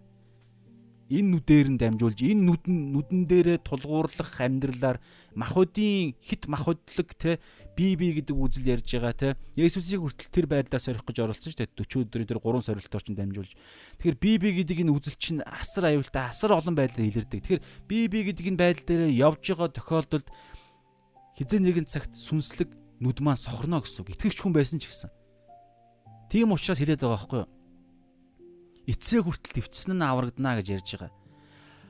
Балчир сүүн хоолноосоо хараад гараад бор хоолнд ороо гэж ярьж байгаа. Энэ дэлхийн ертөнц бол сүнслэг тэ а махуудын эсрэг биш бид энэ дэлхийн захирагчдын эсрэг энэ хүч сүнслэг ёр юм уу хүчний эсрэг бид тулалдж байгаа гэж ярьж байгаа. Тэгэхээр бид балчир байдлаараа байгаад аврагдсан ч гэсэн балчир байдлаараа удаан байх боломжгүй байхгүй юу? Тийм дэлхий дээр амьдарж байгаа гэсэн аврагдсан гэдэг нь ямар нэгэн байдлаар ингээд баталчлаа гэж бодъё. Тэгэнгүүтлээ балчир байгаагаа тоохгүй аврагдсан гэдгээ л ойлгоцсон. Тэгэнгүүтлээ аюулгүй гэж ойлгож ивэл эн чин дахиад нөгөө сохор байдлынх нь бас нэг илэрлэл нөхгүй юу? Үгүй. Энэ дэлхий дээр амьдарч байгаа бол Мата 10-ын 22 дээр юу гэж байгаа вэ гэхээр та нарыг надаас болж та нарыг үзен ядна гэж хэлж байгаа ирээдүйн цаг дээр. Тодорхой. Үзен ядалт нь янз бүрээр илэрнэ мах үед бидний мах ойдонд ч илэрнэ, оюун санаанд ч илэрнэ, янз бүрийн байдлаар тэр үед та нар эцсээ хүртэл төвчсөн нь аврагдана гэж байгаа. Эцсээ хүртэл төвчж чадахгүй бол аврагдахгүй гэсэн үг. Дахин төрөх аврагдах, дахин төрөх юм яриаггүй. Дахин төрсэн бай юу гэдэг дахин төрсэн байж болно. Одоо яг Бухны хаанчлалын охид өгөөд болцсон байж болно. Гэхдээ балчир байвал тэр балчир байдалтайгаа эцсээ балчир байдалтайгаа байж байгаа л тэгэл одоо юу гэдэг балчир байдалтайгаа байж байгаа төлөвшөө тулаан бол тулаанч болоод Эфес 4-ийн Эфес 6 дээр хэлэгдэж байгаа тэр Эфес 6-гийн 10 дээр хэлэгдэж байгаа Бурхны диаволын залим бихний эсрэг бат зогсохын тулд Бурхны өвч зэвсгийг аав гэж байгаа. Тэр өвч зэвсгийг авахгүйгээр ингэж явах юм бол эцсээ хүртэл төвч чадахгүй байхгүй юу? Энд хэлж штэ 2 дугаар Коринт 4-ийн 4 дээр энэ 90 үеийн бурхан үйл итгэгчдийн бодол санааг сохсон учраас гэж ярьж байгаа. Тэгэхээр бид итгэгч нартай гэж ярина. Ямар итгэгч гэж гэдэг асуулт. Ямар итгэгч гэж хэлж байгаа. Жинхэнэ итгэгч гэдэг хүн чинь өөр юм яригддаг. Хэрв жинхэнэ итгэгч биш мөртлөө итгэгч гэдгийн ойлголтоор яваад явж байгаа хүн байвал үл итгэгч байх магадaltaй байхгүй. Итгэлээрээ амьдрдаггүй бол итгэлийнхаа дагуу амьдралынхаа зорилго нь шийдэгдээгүй зорилгоо амьдралаа өөрчлөөгүй болвол тэр хүн чинь Библийн дагуух авралын итгэлтэй нэг юм биш байхгүй юу? Та яг өмнөх Bible study-гийн яг өмнөх видеог үзээрэй та байгаа. Матагаар хийсэн юу байгаа? Фарисеучуд садукочуудын хөрөнгө лөө. Бишээ. Петрийн тонхол гэдэг хэсэг дээр байгаа. Маш дэлгэрэнгүй байгаа. Та үзээрэй. За тэгээ чашаа яваа үдээрэй. Тэгэхээр тэгэхээр ингэж байгаа байхгүй юу? Сая 43 дээр миний юу хэлж байгааг та нар яагаад ойлгохгүй байна вэ? Энэ нь та нар энэ нь та нар үгийг минь сонсож чадахгүй байгаагийн учир юм. За тэгэнгүүтлээ 40 чадахгүй байгаа учир юм. Сонсож чадахгүй болгоцсон байгаа байхгүй. Тэгэхээр дараа нь бас энэ дэлгэрэнгүй гарна. Цаашаа явчих үдэрэ. 44 дээр та нар эцэг диаволоосаа гаралтай тул уншсан хэсэг байна те ярьсан хэсэг. За явуулсан уншия. Та нар эцэг диаволоосаа гаралтай тул эцгийнхээ хүслийг үйлдэхийг хүсдэг. Тий одоо зүмөрө жоохон яа тогтъё. Та нар эцэг диаволоосаа гаралтай тул эцгийнхээ хүслийг үйлдэхийг хүсдэг. Хүсэл тэр нь ямар хүсэл юм? Дараагийн өгүүлбэр. Тэр чинь эхнээсээ алуурчин байсан бөгөөд түүнд үнэн өгөө тул үнэн дотор зогсдоггүй. Нэгдүгээрт алуурчин. Хоёрдугаарт үнэн дотор зогсдоггүй. Түүн дотор үнэн байхгүй. Үнэн дотор зогсдоггүй. Эхнээсээ алуурчин байсан. Эхнээсээ алуурчин байсан. Одоо ч алуурчин. Тэр нь эдгээр хүмүүсүүд эцэг болцсон байна үнэн дотор зогсдоггүй. За тэр тэр худалч бөгөөд худал хуурамгийн эцэг учир худал хэлэхдээ жухам өөрөөсөө хэлдэг энэ тартаа өөрөөсөө хэлдэг гэдэг энэ ойлголт. Юм байгаа байхгүй юу? Худал ярьдаг хүн байж тэ худал ярьдаг хүн автоматар зөвхөн өөрөөсөө ярина. Би энэ дээр сайн ингээ бодоход нэг ийм зүйл надад мэдрэгдэж байгаа юм. Цааш нь жоохон дэлгэрүүлж ярихад тодорхой болоо гэж найдаж байна үнэн ярьдаг хүн байж тээ яана гэж өөрөөсөө ярихгүй. Цөмөрөө зүгээр практик дээр практик дээр бодъё л доо. За би өчигдөр усанд явсан гэж хэллээ гэж бодлоо зүгээр. Одоо юу гэдэг чимдээ? Жишээ хэлж болох нь уу? Ямар ч байсан гэсэн би нэг би одоо ингэж үннээ хэллээ гэж бодоход тэр үнэн үнэн болгох гэрчнэр тодорхой болсон үйл явдал нь байх хэвээр. Харин худал юм хэлүүл яана гэж юу ч болоогүй ямар ч болоогүй байхгүй юмыг би өөрөөсөө бий болгож ярина гэсэн үг.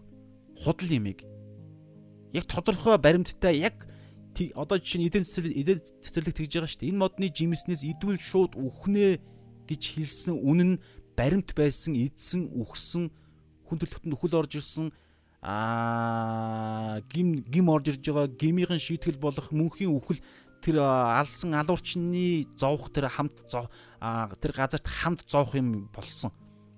Бодтой энэ дэлхий дээр үхдэг болсон, элдв янз юм орж ирсэн. Мах иддэг болсон, даардаг болсон, хөрдөг болсон, ингээл ажил хийдэг болсон. Ажил нь бүр аимшигтай хүндэрсэн, мүндэрсэн, эмхтэй эмхтэй хүний төрөлтийн зовлон нэмэгдсэн, нэмэгдсэн гэл элдв янз юм байгаа. Энэ факт байгаа ч тэр нь бид нар эдэлж штэ. Бид нар одоо тэ бүгд зовж байна. Сэтгэлийн, биеийн, сүнсний аль альны яагаад сүнсэж байгаа гэхээр итгэгч мөн ч гэсэн бид сүнслэг тулаанд өдөр болгон орж байна. Яг бодиттой бид авралаа авчаагүй байна. Авахын төлөө бид эцсээ үрт төвчээд явж байна. Барайнд орж ижил бид авралаа авна. Паулын хэлснээр дагуу наан нь бид шантраад бууж өгвөл аврал ярихдаггүй. Аврал итгэлийн аврал чинь ийм л юм ярьж байгаа. Тэгэхээр аа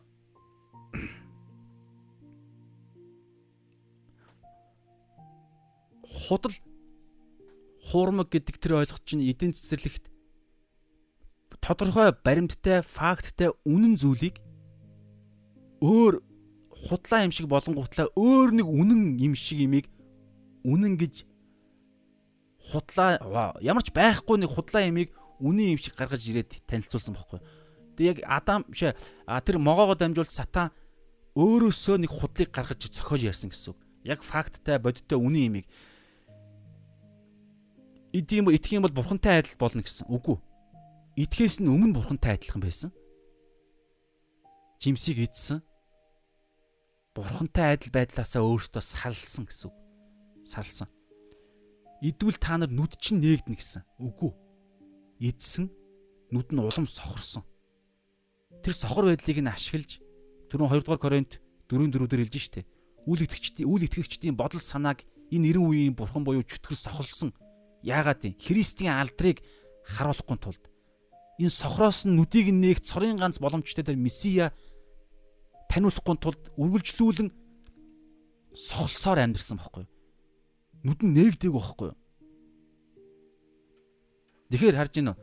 Худал гэдэг юм чинь одоо би зүгээр бодтой те өчигдөр би тэгсэн ингэж хэллээ гэж бодоход худлаа ямиг би тэгсэн ингэж хэллээ гэж бодоход тэрийг ингээд мөрдөгчөөр хөөгөө төөгөөд ингээд а тэгсэн юм уу? Хаан тэгсэн. За одоо жишээ нь за тэгсэн гэдгээр ярьчих заяа. Хаан тэгсэнгээ асууна. Тэгээ би нэг дахиад нэг нэг худлаас дараагийн худлааг зохино. Зохионо. Багшин дэд дээр гэж хэлнэ. Багшин дэдийн ямар одоо тэр газар тэнгууд нь би сандарч эхлэн штэ. Намайг мөрдөөд эхэлж байгаа учраас. Тэгээ би яах гээд байгаа юм бол арай тэр газрыг хайгаад очих гээд байгаа юм биш байгааз за битгийл тим байгаасаа гэж найдах найдлага дотор бид дахиад тэр газар гээд нэг газар хэлнэ. Аа тийм үү. Ямар хүнтэй уулзсан юм гэдэг нь нэг тийм хүн байсан гэж хэлнэ. Тэгээ магадгүй тэр тодорхой тохиол ярьж байвал хинтээ уулзсан гэдэг нь бататай гэж ярьлаа гэж бодъё л да. Тэр батаа юм байх. Би харж байна зохиож байгааз өөрөөсөө ярьж байгаа. Зөвхөн би ганцаараа энийг зохиож байгаа байхгүй юу? Өөр фак баримтууд намайг дэмжихгүй гэсэн. Тэнгүүт нь хэрв тэр мөрдөгч тэр хинч үдийн ямар нэгэн хүн чааш нь мөрдөөд очиход яг саяны энэ хэлсэн хүн хэлсэн газар нь хэлсэн цаг дээр нь очиход тийм зүйл байхгүй байсан гэсэн. Тэгэхээр тэр зүйлээс биш үннээс би үннээс би хамааралтай энийг яриаггүй өөрөөсөө худлаа ярьсан учраас.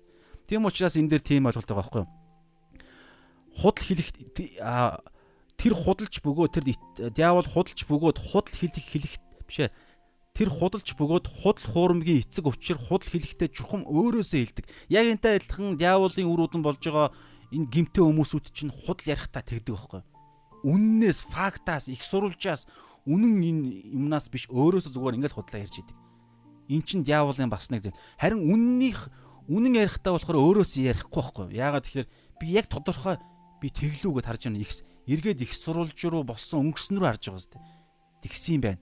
Аа тэгэхээр тэндээсээ би ярина гэсэн үг. Болсон яг бодиттой юмнасаа баримт фактаас ярина гэсэн үг. Тэгэхээр аа бурхны өрөөдөн чинь хэрэг зэтгэгч бид нар чи яг энэ ихгүй? Үнэн ярих дуудлагатай. Одоо энэ дээр Есүс Христ маш тодорхой нэг зүйлийг харуулж байгаа. Үнэн ярихын ямар аа одоо юу гэдгийг эрс зааж байгаа. Үнэн ярих нь ямар аа чухалын нэг талаараа нөгөө талаараа ямар аа бид нарыг ямар байдалд аюултай байдалд аваачих боломжтой вэ? Аюултай гэдэг нь одоо юу гэдгийг зөв байдлын аюул шүү. Хавчлаг гэдэг юм уу? Одоо энэ дээр Есүс явж байгаа байхгүй юу? Та одоо чааш нь ярихаар гарна гэсэн. За чааш явъя бүгдээрээ нэлээ ингээд сончрах гэх юм. Аа За 45 дээр саяных дээр бол ерөнхийдөө ийм ойлголт ярьж байгаа. Тэр өөрөөсөө ярина ярина гэдэг дээр та анзаарж байгаа бол тэгэхээр худал ярина гэдэг чинь өөрөөсөө боловч өөрөөсөө анх худлыг гаргасан тэр эцгээсээ бид ярьж байгаа гэсэн үг шүү. А бид гинэ гимтээ тэр худал хурамгийн хүмүүсүүд. За 45 дээр харин би одоо Есүс өөрийгөө харьцуулж байна. Одоо эндээс эхлээд ерөнхийдөө Есүс Христ үннийг ярьж ирж байгаа. Тэгээд ирэхээр хамгийн сүүлийн ишлэлдэр Есүсийг алах гэж оролдоно. Тэр утгаараа би үнэн дотор зогсох нь маш чухал дуудлага мөртлөө нэг талаараа энэ дэлхий дээр бид хавчлагыг би хавчигдах аюултай байхгүй. Яагаад тэгэхээр энэ дэлхий чинь худал хуурмгийн тэр эцэг гэж ярьж байгаа диаволын үдирдэж байгаа энэ дэлхий шүү дээ. Тэр утгаараа яриад байгаа. Тэгэхдээ бид тех дуудлагатай. За 45 дээр Харин би үннийг хэлдэг тул та нар надад итгэдэггүй, итгэхгүй. За 46 намайг нүгэлтэн гэж э, нотлох хүн та нарын дотор байна уу? Тэгвэл би үннийг хэлэхэд та нар яагаад надад үл итгэнэ вэ? Бурхных нь Бурхны үгсийг сонсдог, та нар Бурхных биш учраас үүнийг сонсдоггүй. Тэгэхээр 45 дээр харин би үннийг хэлдэг тул та нар надад итгэдэг итгэхгүй. Сонирхолтой. Та зүгээр маш сонирхолтой. Та боддоо үнэн хэлэхэд үннээ үннээрээ хэлэхэд итгэхгүй тийм а төлөв байдал зүрх сэтгэл амьдрал байна гэж та боддоо. Үннээрээ байхад итгэдэггүй амьдрал. Энэ дэлхийн ертөнцийн чинь яг тийм байдал руу зогсоол руу явж байгаа байхгүй юу? Тэгэхээр та нар анханасаа худал хуурмгийн эцгийн худал хуурмгийн тэр диаволын үр удам учраас та нар намайг алах гэж оролдож байна. Бас миний хэлж байгаа үннээрээ хэлж байгаа үгэнд итгэдэггүй. Хэрэг худал хуурмгийн эцэг биш худал хуурмгийн эцгийн хүүхдүүд биш байсан бол надад итгэх байсан. Ягаад тэгэхээр би үннээрээ хэлж үнэн хэлж байгаа учраас би өөрөөсөө хэлдэггүй намайг илгээгч буюу тодорхой нэг намайг батлах энд түрүүний ярьсан тэр юуны зүүрлийн дагуу үнэн байгаа учраас их сурулж байгаа учраас тэр нь юу юм? Йохан 5 дээр дөрвөн гэрч байгаа. Йохан баптист хэлж байгаа а эцэг бурхан өөрөө тэнгэр заагдаад хэлдэг а Есүс Есүсийн хийсэн гайхамшиг тэмдгүүд нь өөрийг нь хин гэдгийг нь хэлдэг бас бичээс буюу тэр 330 гэж ярьж байгаа асар олон иш үзүүлгүүд Есүсийг хин гэдгийг нь хэлдэг. Тэгэхээр өөрөөсөө хэлдэггүй. Намайг баталдаг үнэн гэдгийг баталдаг юм байгаад ийм баталгаанууд байгаад би үннээрээ хэлэхэд та нар итгэхгүй байгаа чинь цорын ганц тайлбар та нар чөтгөрөөх л гэсэн үг юу? Ийм л юм ярьж байгаа гэсэн. Тэр утгаараа сайн мэдээ тараах ч гэсэн ялгаа байхгүй байж болох бүх юмараа боломжоор тараана. Бүгд итгэхгүй байхгүй юу? Тэр зүгээр факт баримт. Ян зүрийн байдлаар яригддаг юм. Гэхдээ бид бол тараах л үүрэгтэй. Бүгд харин итгэнэ гэж та битгий найдаарэ. Яг энэ хүн итгэжээсэ гэдэг найдлагын дотор явна. Гэхдээ итгэхгүй бол бид яаж болохгүй гэсэн үг л дээ. Одоо юу гэдэг юм өөрсдийгөө буруутгах болохгүй тэгээ бурхан хүчгүй юм байна гэдэг дүгнэлт хийж болохгүй. Одоо юу гэдэг юм бурхан энэ хүнд хайргүй юм байна гэдэг дүгнэлт хийж болохгүй тэр хүний сонголт одоо энд чинь ийм аюултай байхгүй. Есүсийн хэлсэн хийсэн Есүсийн амьдарч байх үеийн тэр төгс сайн мэдээ, төгс гэрчлэл, төгс тэмдгүүд, баталгаанууд байсаа байтал харж ийн улаан цайм Есүсийг алах гэж чөтгөртэй гэж одоо энэ доор хэлнэ. Ийм байхад бидний үгэнд итгэхгүй юм хүн амьдрал тохиолдол угаасаа гарч ирнэ. Тэр тийм учраас тэр үед битгий сорилтонд ороорой гэдэг бас сайн нэмэлт юм бодогдлоо. За цаашаа явуу дээр 40 46 дээр намайг нүгэлтэй гэж нотлох хүн та нарын дотор байна уу? За одоо энэ энэ маш чухал асуулт. И чин эдгээр хүмүүс чинь хуулийн багш нар тэр нүглийг жинхэнэ олж илрүүлдэг гар шүү дээ. Амралтын өдөр тэр яалаа а олбгоо бариад явж байгаа хүний хүртэл Библиэлд нь байхгүй нэмэлт аман хууль муулийг гаргаж ирээд бүр ингээ бүгдийн цээдэлч гисэн бүр нэмэлт гимүүдийг хүртэл зохиоч гим байж болох тохиолдлуудыг зохиочихсон тийм хүмүүс чинь Есүс хин нэгнээс гими гим хийж байгаа гимиг нь олж харахтаа мэрэгжлийн байх хэрэгтэй байхгүй бүр тэр утгаараа Мата 11 дээр эцэж төлдсөн зовж зүдэрсэн хүн дарамт үрсэн хүмүүсээ бүгд над руу ир гэж хэлж байгаа. Тэднийг тэгж зовоож исэн нь бүр Библиэлд байхгүй гимүүдийг хүртэл гаргаж ирээ та нар гимтэй гэж зовоож исэн гэсэн үг байхгүй юу? Нэмэлт хуулиудыг зохиож гаргаж ирснээр тийм мундаг тийм буруутгах чадaltaй нүгэл олох чадaltaй хүмүүсүүдэд Есүс хэлж байна гэсэн үг. 46 дээр намайг нүгэлтэй гэж нотлох хүн та нарын дотор байна уу? Хинч гарч ирээгүй. Чадахгүй. Ямар ч боломжгүй. Ганц нэг юм олох гэж оролдож исэн. Санаж байгаа бол та завхарж байгаа баригдсан эмхтэй гаргаж ирээд Мосегийн Мосегийн хуулийн дээр энэ хүнийг завхар завхарсан хүнийг эр эмхтэй эр эм хоёрын хуулийг нь алах хэрэгтэй гэдэг хуулийн заалтанд байгаа байхгүй юу? Тийм учраас яах вэ гэж гаргаж ирээ. Та алах уу яах уу маах уу гэж ярьж байгаа. Тэг хэрвээ алаа гэж хуулийн дээр юм байгаа учраас алаа гэсэн бол Ромын хуулийг зөрчсөн гэж түүнийг алах гэдээсэн. Бити алаа гэвэл Мосегийн хуулийг зөрчсөн гэж алах гэдэг буруутгах гэдээсэн. Гэтэл ийм байдал донд Есүс хүртэл гим үлдээгүй. Маш мэрэгүү ухаантайгаар шийтсэн. Нүгэлгүй нь эхлээд чулуу шидэж хэлж байгаа. Юу олон тохиолдол байгаа. Яан зүрийн тохиолдол амралтын өдөр гим өөрийгөө бурхантай адилтглаа гэл те а бурхантай адилтглаа гэж юм бас асар том гим нүгэл байхгүй юу? Бурхныг доромжилсан гим нүгэл. Гэтэл тэр нь үнэн байсан. Тэрийг баталчихсан. Гайхамшиг үйлсүүдээрээ дөрөвний хэлсэн дөрвөн гэрчээр баталцсан. Дахиад чадаагүй. Энэ мэдчлэн нүгэл бол чадахгүй байгаадсан байхгүй. Тийм учраас хамгийн сүүлдээ яаж байгаа вэ гэхээр Есүсийг зүгээр хуулийн шалт хууль хууль зөрчсөн гэдэг шалтгаанаар биш зүгээр л шүн дунд шууд алж байгаа байхгүй шүн дунд бариад тэгээд худлаа гэрчнэр гаргаж ирээд тэгээд шүн өөртөө хуулаа зөрчиж алсан гэсэн үг. Шүн аа шүн шүүх хурал хийж болохгүй. Заавал өдөр хийх ёстой гэдэг тийм заалт Мосегийн заалт ч хүртэл байгаа. Тэрийг зөрчин байж Иесусыг алсан гэсэн үг. Тэгэхээр тэгэхээр энэ 46 дээр олж чадаагүй. Намааг нүгэлтэй гэж нотлох хүн та нарын та нарын дотор байна уу гэж олж чадаагүй. Тэгээ хад хариуд нь тэгвэл би үннийг хэлэхэд та нар яагаад надад итгэхгүй? Надад үл итгэх нь вэ? Харж байна уу? Намааг нүгэл нүгэлтэй гэж хэлж чадахгүй юм бэ? Чадахгүй юм бол автоматар та нар намайг нүгэлгүй гэж хэлж байгаа юм байна шүү дээ. Харж чадж байгаа юм байна шүү дээ. Тэгвэл би үннийг хэлж штэ. Яагаад тэгвэл энэ үнэнд итгээд та нар гимшээд надад итгээд авралыг аваад бурхныхаа жинхэнэ бурхныхаа авралдаа ирэхгүй намайг алах гэж оролдоод байгаа юм бэ гэдэг юм ярьж байгаа гэсэн. Тэгээ энэ логик чинь ерөөсөө түрүүнээс 2 дугаар корин 4 4 байхгүй юу? Нүдэн сохорцсон байхгүй юу? Тэр сохорцсон юу гэдэг юм бүр ингээд галзуу болцсон гэдэг утгаараа биш. Хувийн эрх ашгаараа сохорцсон байхгүй юу? Яг ингээд яриул ингээд тэд нар ингээд гацсан угаасаа. Галзуу хүн юу гэдэг вэ? Галзуу хүн мухар тэнэг хүн мухарддгүй лөө? Тийм үг өгдөг штэ хизээч тийм мухардахгүй. Эрүүл эрүүл ухаантай хүн л мухардж чаддаг аахгүй юу? Яагаад гэвэл яг нэг юм дээр ирээд ингээд мөн чанар нь мэс чанар нь ингээд энэ дээр арайд би мангарт энэ дээр би зөрчүүд би мангартчихна гэд. Тэгэхээр тэд нар бол тийм байдлаараа сохроогүй сохор гэж хэлээгүү.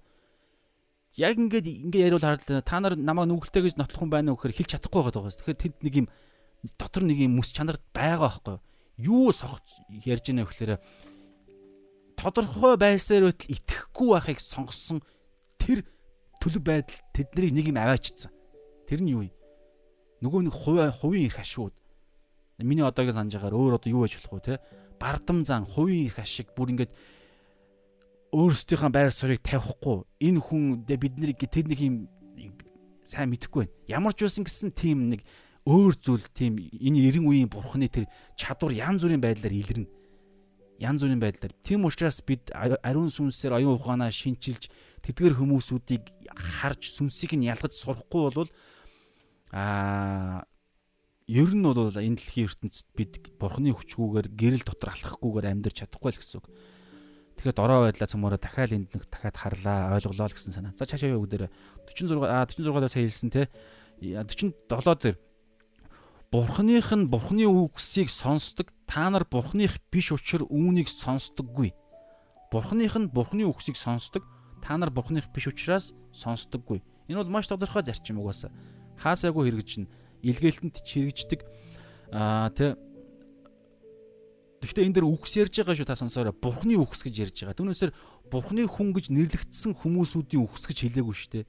Яагаад ингэж би юм гаргаж ирж байгаа гэхээр тэг тийм Бурхны хүний одоо би одоо ингэснээр итгэгч гэж нэрлэгдсэн хүмүүсүүдийн эсвэл номлогч пастор гэж нэрлэгдсэн хүмүүсүүдийн хүмүүсүүдийн амнаас заримдаа Бурхны биш үгсүүд гардаг тохиолдлууд байдаг байхгүй юу? Библиэлд маш тодорхой хэлж байгаа. Хуурамч иш үзүүлэгч нар гэдэг хуурамч дагалдагч нар, хуурамч итгэгч нар гэж зөндөө байгаа. Тийм учраас энд та маш сайн ойлгох хэрэгтэй шүү. Бурхны үгс гэж ярьж байгаа. Тэр нь яг Библийн дагуух яг зөв үгс. Тэгэхээр би яг Библиэс яг Бурхны үгсийг сонсч чаддаг хүмүүс чинь Бурхны хүмүүсэл сонсч чадна. Гэтэл моормны хүмүүсүүд ээж Бурхных эсвэл зүгээр нэг эрдэнтэн докторууд Библийг хичнээн уншаад Библиэс Бурхны үгийг сонсч чадахгүй байгаа байхгүй юу? Тэндээс худал хуурмгийн үгсийг олж хараад байгаа байхгүй юу? Тийм учраас хинээс төрсөн бэ гэдэг л амар маш чухал. Йохан 3-ын Йохан 3-ын 3 5 дээр байгаа ус дээрээс төрсөн бурхнаар буюу бурхнаар дээрээс төрсөн хүн тэнгэрийн аанчлалд орж чадна гэж байгаа. Бурхан дахин төрөлтийг бурхан хийдэг. Юу н энэ дэлхий дээрх мах бодийн төрөлтийг ч гэсэн хүүхэд нь өөрөөсөө юу ч хийдэггүй штэ. Ээж аав л хамаг юм хийдэг.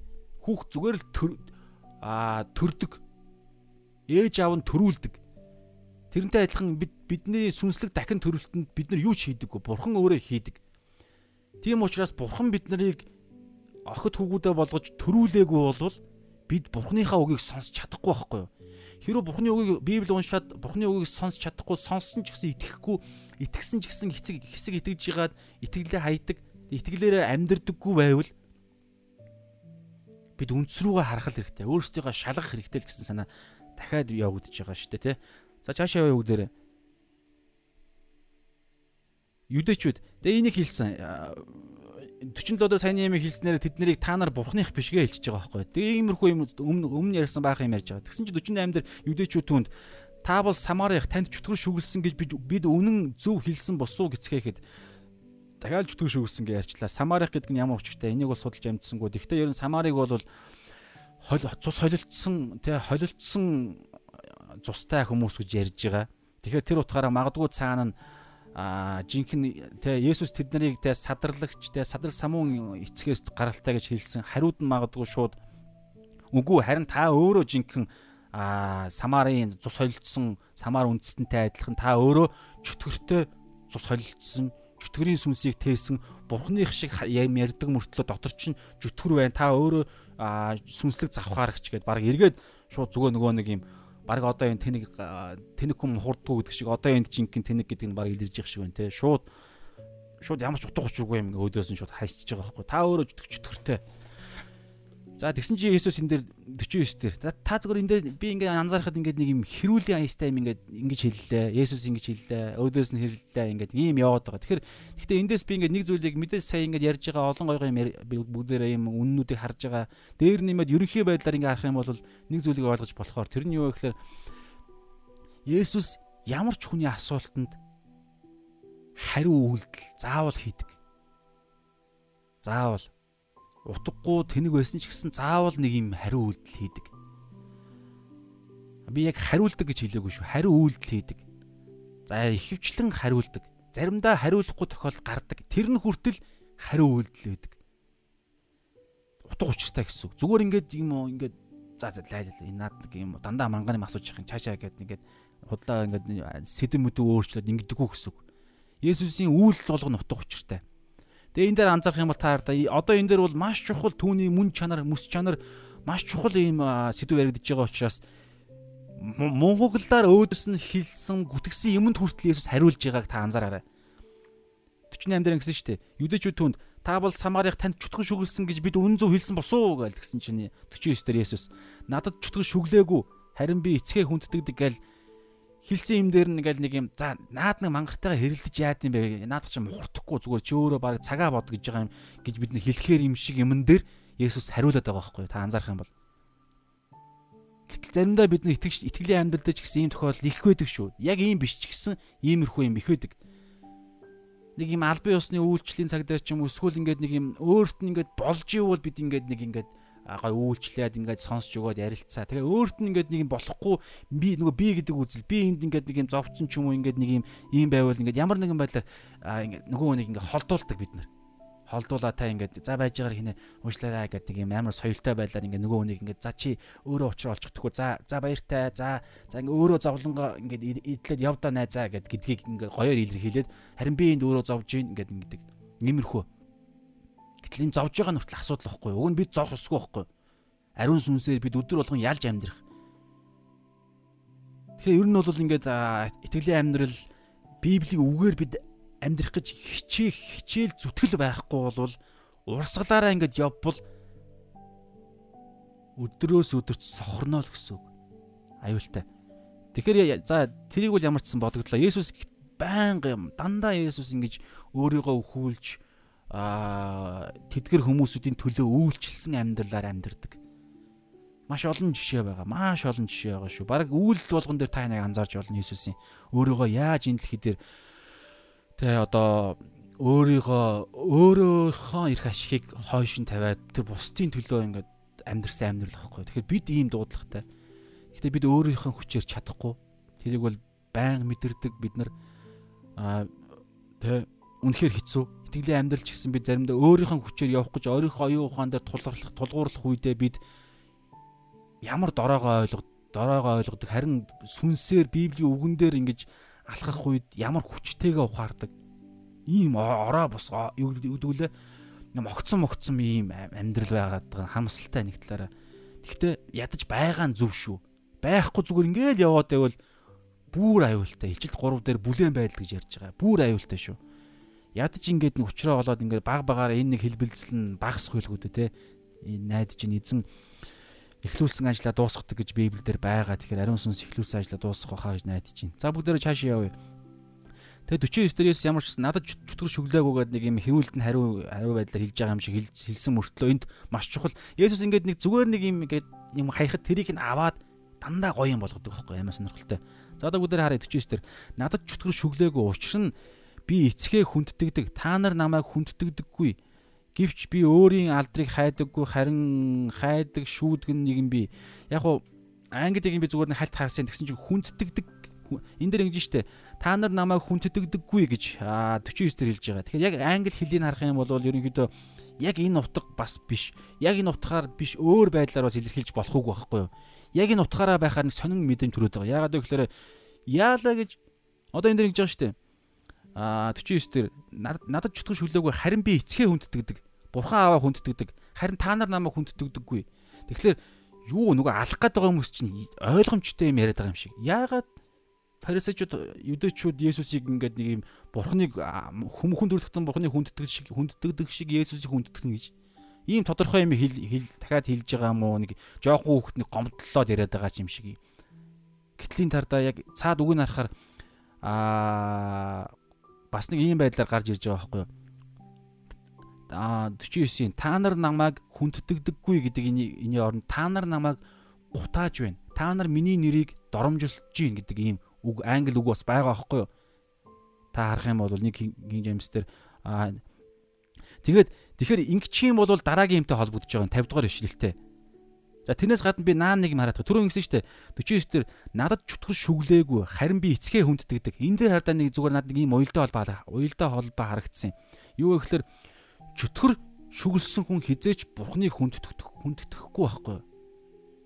Чутгар шүглсэн бурхныг алдаршуулж, бурхныг магтаж, Библи ярьж тэ тэр тусмаа чөтгөр нь чөтгөрөө хөөхгүй хөөхгүй. Нөгөө Матай 10 2 дээр 12 дээр байгаа чөтгөрийн сатаны хаанчлал сатан сатаныхаа эсрэг босвол сатаны хаанчлал нурах болно. Тийм учраас сатан сатанаа хөөдөггүй маа. Би ариун сүнсээр энэ чөтгөрийг хөөлөө гэсэн чинь тэгээ ярьж байгаа.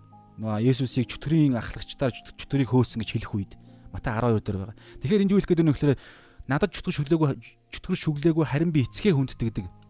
Тэгээ энэ цаана бүгдээр Бурхны хүнддэгдэг хүн бол Бурхны хүн. Чөтгөр шүглсэн чөтгөрийн хүн бол Бурхны хүнддэхгүй байхгүй юу? За тэгээ цаашаа явуу дээр та нар намайг хүндэтгээгүй гэдгийг зүгээр яхаа би энэ хүндээ нөгөө нэг юугаар ярьчих. Та нар миний нэрийг гутааж байна гэж хэлж болж байгаа байхгүй юу? Яагаад яагаад вэ гэхээр түрүү ингэсэн шүү дээ 48 дээр танд чөтгөр шүглсэн гэж хэлсэн байхгүй юу? Энэ үг нь Есүсийг чөтгөрийн хүнгээ хэлчлээ дээ. Бурхан өмнө баахан ярьж байгаа. Бурханаас ирсэн Бурханы хүн эцэг бит хоёрыг би бол би байгаа гэдэг нэртэй хуучин гэрээний Бурхан байна мэн гэл итгэж болох хамаг юмаа үннээ хэлсээр байтал энэ дэр 48 дээр та бол чөтгөрийн хүн чөтгөр шүглсэн байна. Та бол чөтгөрийн хүн байна. Чөтгөрөө хэлж байгаа нь энэ хүндтгээгөө гэдэг энэ үгийг а та нар миний нэрийг гутааж байна гэж хэлж болох байхгүй юу? Яг англи үг нь тийм байдлаар орчуулж болно. Та нар миний нэрийг гутааж байна. 50-ыг одоо холбоороо холбохоор та анзаарна. Та нар миний миний нэрийг гутааж байна. Гэвч би өөрийнхөө алдрыг хайдаггүй. Анзаарж байна уу? Гэвч би өөрийнхөө миний нэр гут гут миний нэр гутаагдана уу яана юу нөө би би энэ санаа тавьдаг нь би биш. Тавьдэр гэвч би өөрийн алдрыг хайдаггүй харин хайдаг таслал шүүдэг нэгэн би. Бурхан аав нь. Та нар намайг яг одоо ингэж миний нүдэн дээр над руу Есүс чөтгөр шүглсэн байна гэд намайг гутаачиж болно. Миний нэрийг доромжилж болно Ийм үг байхгүй хүнддэг гэдэг үг нь цаана англи дээр. Тэгэхээр 50 дээр гэхдээ би та нар намайг тэгж байгаа ч гэсэн би өөрийнхөө алдрыг өөрийнхөө нэрийг би хамгаалах гэж оролдохгүй. Гэхдээ миний нэрийг хамгаалдаг нэгэн байгаа. Тэр одоо 50-ын сүүлийн өгүүлбэр харин хайдаг шүүдэг нэгэн би. Есүсийн алдрыг хайдаг, Есүсийн нэрийг хамгаалж, алдрыг нь хайдаг буюу нэрийг нь хамгаалдаг бас шүүдэг нэгэн бий. Бас дахиад факт үннийг хэлж байгааз энд айх ёстой ш тэд нар. Айхгүй. За 51 үннээр үннээр би танарт хэлье. Үгийг минь сахидаг хүн үхлийг хизээч үзэхгүй. За ингэ хэлчихэж байгаа. Энд дээр шийдээ ерөнхийдөө бол мэдээж ингэж хэлж байгаа дээ. Бид нар бол ойлгоно те. Үннээр үннээр би танарт хэлье. Үгийг минь сахидаг буюу үгэн дотор нь амьдардаг, үгийг нь үйлдэж амьдардаг хүн үхлийг буюу мөнхийн үхлийг үзэхгүй гэсэн санаа дээ. Түүнсээр махбод үл үхэн тодорхой Есүс өөрөө ч үхэн хүн болгон үхэж байгаа. Энэ дэлхийн ертөнцийн амьдарж байгаа учраас энэ дэлхийн ертөнцийн өөрчлөгдсөн хууль хуулинд захирагдахаас аргагүй байхгүй юу? Тэрнээс гадна маш бодиттой гим нүглийн үр дагавар махбодонд шингэж байгаа олон юм байгаа. Гэхдээ энд бол Есүс Христ мөнхийн үхлийг яриа а үзэхгүй гэж хэлж байгаа. Нэг талаараа нөгөө талаараа бас манай манай эртний 70 оны бас шүүлтийг бас ярьдаг. Одоо энд яригдж байгаа яригдж байгаа энэ дээр түрүүнд гэсэн шүү дээ. А 50 дээр гівч би өөрийн алдрыг хайдаггүй харин хайдаг шүүдэг нэг юм би. Тэр хайдаг шүүдэг нэгэн жинхнээс манай эртний 70 онд эдгээр хүмүүсүүдийг бүгдийг нь алсан бохгүй? Эдгээр фарисеучуд бүгд 70 онд өгсөн амьд л байсан бол наа нүхчээг бол бүгд өгсөн. 70 онд Ромчууд Иерусалим хотыг Иерусалимийн сүмийг юу ч үгүй болгосон. Дотор нь байсан дахилч нарыг бүгдийг нь алсан. Иерусалим хотын хүмүүсүүдийг бүгдийг нь алсан. Дэлхийн 2 дугаар дайны үед үхсэн юдэчүүдийн тооноос хэд дахин илүү юдэчүүд 70 оны аллагын үеэр үхсэн гэж байгаа. Августины гэлөө а тийм эцгүүдийн тэр нэг Агустины тийм баримтанд байгаа гэж байгаа байхгүй юу? эцгүүд харж байна. Бүгд үгсэн. Харин энэ дундаас Иерусалимд амьдарч исэн итгэгч нар нь нэг ч итгэж өгөөгүй бүгд оргож зүхтаа чадсан гэж байгаа байхгүй. Энийг ч гэсэн хэлж явах боломжтой. 51 дээр үннээр үннээр би танарт хэлье. Үгийг минь сахидаг хүн 70 оны үхлийг та нар үзэхгүй гэж хэлж их магадaltaй. Зүгээр би ийм олж мдээгүй шүү. Зүгээр сайн надад бодогдлоо. Хамгийн шууд утга нь бол мөнхийн үхлийг ярьж байгаа. Тэрнээс гадна аа бас сүнс сэтгэлийн үхэл гэдэг юм уу ерөн сүнслэг үхлийг ярьж байгаа. А түүнээс махбод бол үхэж байгаа. Гэхдээ түүхэнд Библийн түүхэнд махбодын үхлийг үзээгүй хэд хэдэн хүмүүс байгаа шүү дээ. Енох байгаа, Илия байгаа. Аа за өөр хүн байхгүй бах те. байгаа юу. За ямар ч байсан л хоёр хүн санаж байна. За чи явъя бүгдээрээ. Тэгэхээр тийм боломж л байна гэсэн үг. А бурханд бол хүсвэл байна гэсэн үг. Гэхдээ энэ дэлхийн ертөнцид аа болох хэвээр юм болдгороо л болно. Тэр нь амар. За цаашаа явъя гэдэг 52 дээр юдэчүүд түнд чөтгөн шүглснийг чинь одоо мэдлээ. Сая юу гэлчлээ 51 дээр үннээр үннээр би та нарт хэлье. Үгийг минь сахидаг хүн үхлийг хизээч үзэхгүй. А хизээч гэж байгаа юм байна. Тэгэхээр ерөнхийдөө бол 70 омон гэхээс илүүгээр яг мөнхөн үхлийг ярьж байгаа гэсэн үг шүү. За иймэрхүү ярьсан чинь 52 дээр чөтгөн шүглснийг чинь одоо бид мэдлээ. Авраам мөн иш үзүүлэгчд ч өгсөн. та тэгэхэд хэрэг хүн үгийг минь сахиул үхлийг хизээж амсахгүй гэж хэлж байд гэж хэлж байх юм гэсэн үг. Тэгээд 53 бидний өвөг Авраамч үхсэн түүнээс ч та агуу юм уу? Бас иш үзүүлэгт иш үзүүлэгчд ч үхсэн. Та өөрийгөө хэн болгоод байна гэв. За их мундаг гарууд байх нэ. Их мундаг алдаа олчлоо гэсэн үг. Тэгвэл Есүс маш гайхалтай. За ямар ч байсан гэсэн сая бол гэж шилээ чөтгөр шүглснийг чинь одоо мэдлээ Авраам мөн иш үзүүлэгчд ч өгсөн. Та тэгэхэд хэрв хүн миний үгийг минь сахиул үхлийг хизээж амсахгүй гэж хэлж байна. Ерөнхийдөө бол би миний анзаарж байгаа мэдрээд байгаа юм юу гэхээр фарисеучуд хуулийн багш нарын тэр оюун ухаанаар дамжуулж тэдний зааж сургаж байгаа тэдний тийм тарих угаалтаар дамжуулж Авраамийн үр удмал бол гарцаагүй аврагдана гэдэг нэг тиймэрхүү нэг юм худлаа юм яваад ирсэн байгаа даа байхгүй юу? Авраамийн үр удмал бурхны яхаа бурхан аав дээр гарцаагүй очно гэсэн санаа явдаг. Тийм учраас тэдний явууд мөнхийн үхэлнийг аюулгүй юм шиг байсан юм шиг над зүгээр мэдрэгдэж байгаа. Зарим нэг баримтаас баримтны тодорхойлолтоос ингэж дүгнж бодохоор Тийм учраас үхэл гэж ярихаар шууд бодиттой махбодийн үхлийг л яриад байдаг тэд нар. Гэтэл Есүс энэ махбодийн үхэл чинь жинхэнэ үхэл биш ээ. Наадах чинь зүгээр л одоо юу гэдэг ингэж Есүс хэлээгүй л дээ. Гэхдээ ийм санаа цаана байна гэсэн үг шүү дээ. Зүгээр л Пет Паул ч гэсэн хэлдэг. Паул бүр ингэж байгаа шүү дээ. Би э, эндээс явж эзэн дээр очих нь миний хувьд ололт юм аа. Үхэх нь ололт гэж хэлж байгаа шүү дээ бүр. Тэгээд Есүс ч гэсэн өөрөө хэлж байгаа. Та нар Иохан 9:24 дээр хавцаа байгаа те миний төлөө болон сайн мэдрэний төлөө амиа алдвал та нар түүнийхээ олох болно гэж байгаа. Нэг л ам яриад байгаа. Нэг л ам. Түүнээс нэг юм хоёр ам ам. Тэгэхээр бидний энэ дэлхий дээрх тэр үхэл үхэл гэдэг тэр ойлголт бол бидний хувьд нэг айгаад байх те тэрийг бүр а тэр тэр үхлийг л үзэхгүй юмсан гэдэг тийм ойлголт хэрүү тавих юм бол бид мөнхийн үхлээ алах алдах тийм сорилтонд орох аюултай болчиход байгаа байхгүй. Тийм учраас Иесус тийм юм ярьдаг. За ямар ч үсэн ингээд иймэрхүү юм ярьж байгаа. Та тэгээд Авраамаас өмнө Авраам өгчөөд тахад та танд итгэсэн хүмүүс өхгүй гэж та хэлж байгаа юм уу? Та өөрийгөө хэн болгоод байна гэсэн юм ярьсан. Тэгсэн чинь 54 дээр Есүс хэрв би өөрийгөө алдаршуулбал миний алдар юу ч биш. Харин намайг алдаршуулдаг нь эцэг минь бөгөөд та нар тэр бидний бурхан гэдэг шүү дээ. Та нар түүнийг таньсангүй. За энэ яг хоёр нэг ойлголт уг нь ингээ шууд ишлэлээр хуваагдчихж байгаа байхгүй. Ерөнхийдөө бол ийм санаа байгаа юм шиг байлаа шүү. 54 дээр хэрв хэрв би өөрийгөө алдаршуулбал миний алдар юу ч биш. Харин намайг алдаршуулдаг нь эцэг минь гэсэн санаа нэг. Есүс өөрийгөө алдарш урд нь хэлсэн санаа явж штэ тэ. Есүс өөрийгөө алдаршуулдаггүй, өөрийгөө хайдаггүй. Хэн болгоод байна гэж хэлсэн штэ 53 дээр. Та өөрийгөө бурхан болгоод байгаа юм биш үү гэсэн санаа Авраам ч өгдөг байтал та баг өөр бүр өхдөггүй нэг амьдралыг зохиох гээд байгаа юм уу? Тэ энэ дэлхий дээр танд таны үгээр амьдрсан хүмүүс энэ дэлхий дээрээс өхгүй мөнх амьдрдаг хүмүүсүүд та гарах гээд байгаа юм уу? Нэг одоогийн кино монон дээр гардаг шиг иммортал хүмүүс гэдэг шиг тэ. Та баг өөр нэг амьдралын зарчим зохиох гээд байгаа шин бурхны тогтолцоо гаргаж ирэх гээд байгаа юм уу? Та өөрийгөө бурхан гээд байгаа юм биш үү? Өөрийгөө хэн болгоод байна гэсэн юм хэлсэн. Тэгсэн чи Есүс тэн дээр хардаа хэрэг би өөрийгөө алдаршуулбал гэдэг нэг өөр юм руу ороод байгаа юм шиг мөртлөө Тийм ээ би бурхан. Гэхдээ би өөрийгөө бурхан гэж алдаршуулахгүй гэсэн санаа байхгүй юу? Би би өөрийгөө алдаршуулахгүй. Миний алдар юу ч биш те. Өөрийгөө алдаршуулбал миний өөрийгөө бурхан гэж хэлсэн маань юу ч биш. Харин намайг алдаршуулдаг нь эцэг минь. Намайг илгээсэн бурхан аав намайг бурхан гэдгийг батлах болно гэж хэлж байгаа.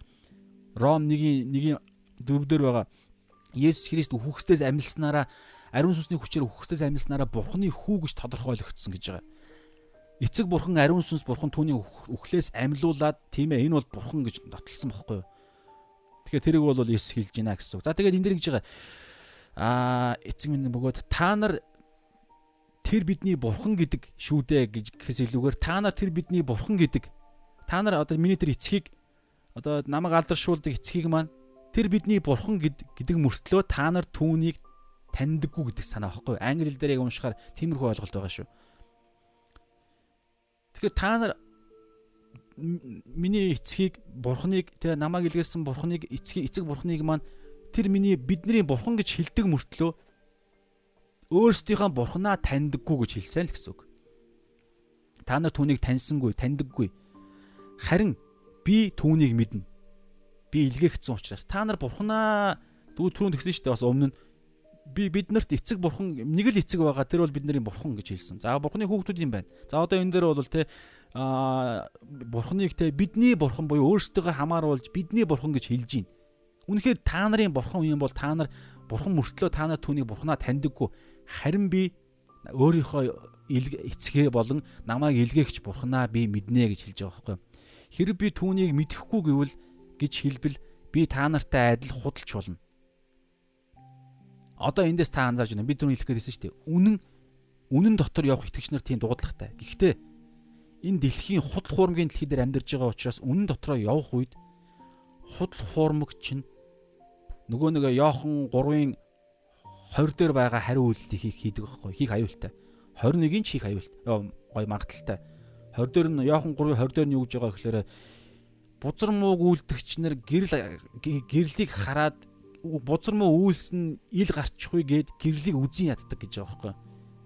Энэ дэлхий чи харанхуй дэлхий. Тэгэхээр бид үнэн дотор а бид үнэн дотор буюу гэрэл дотор ингэж гэрэлдэх үед үннийг тунхагласан үнний амьдралаар амьдрах үед харанхуй дэлхийн хүмүүсүүд нөгөө нэг тамийн тогооны үлгэр шиг те энэ намайг намайг онгонд оруулах гэдэг. Энэ дандаа ингэж биднийг зовоож явах юм. Дандаа ингэж юм шудраг юм мос юм үний юм яриад бидний энэ нэг юм алдаа малдаа энэ авилгал өгсөн мөксөн элдв янзын зүйлсүүдийг энэ хүн ингэж юм улам балиар болгож харагдуулаад байна. Энийг аялаас нь халчи энийг жоохон гадуурхыг ч юм уу те нэг янз бүрийн юм болно л гэсэн. Энэ дээр яг тийм их юм ярьж байгаа сте. Та нар түүнийг таньсан харин би түүнийг мэдэндээ хэрэг би түүнийг мэдэхгүй гэж хэлбэл би та нартай адил худалч болно. Харин би түүнийг мэдэх бөгөөд түүний үгийг сахидаг. Одоо энд маш чухал юу байгаа шүү. За ямар ч байсан гэсэн эхлээд нэг зүйлийг яриад тахыг. Хэрэг би түүнийг мэдэхгүй гэж хэлбэл би та нартай адил худалч болно. Харж байна. Энэ үн энэ яг байдал биднэрт байх хэрэгтэй байхгүй Есүсийн энэ нэг юм гацаанд орж байгаа юм шиг нэг юм өөрийгөө аюулд оруулж байгаа юм шиг сонин Есүс Христ загламаа дээр амиа аврах гэж оролдоод үхгүй байхыг хичээх юм бол худлаа ярьж ижил тгийм боломжтой. Үннээрээ байгаа цагт Есүс гарцаагүй загламаа дээр өгөх ёстой байхгүй.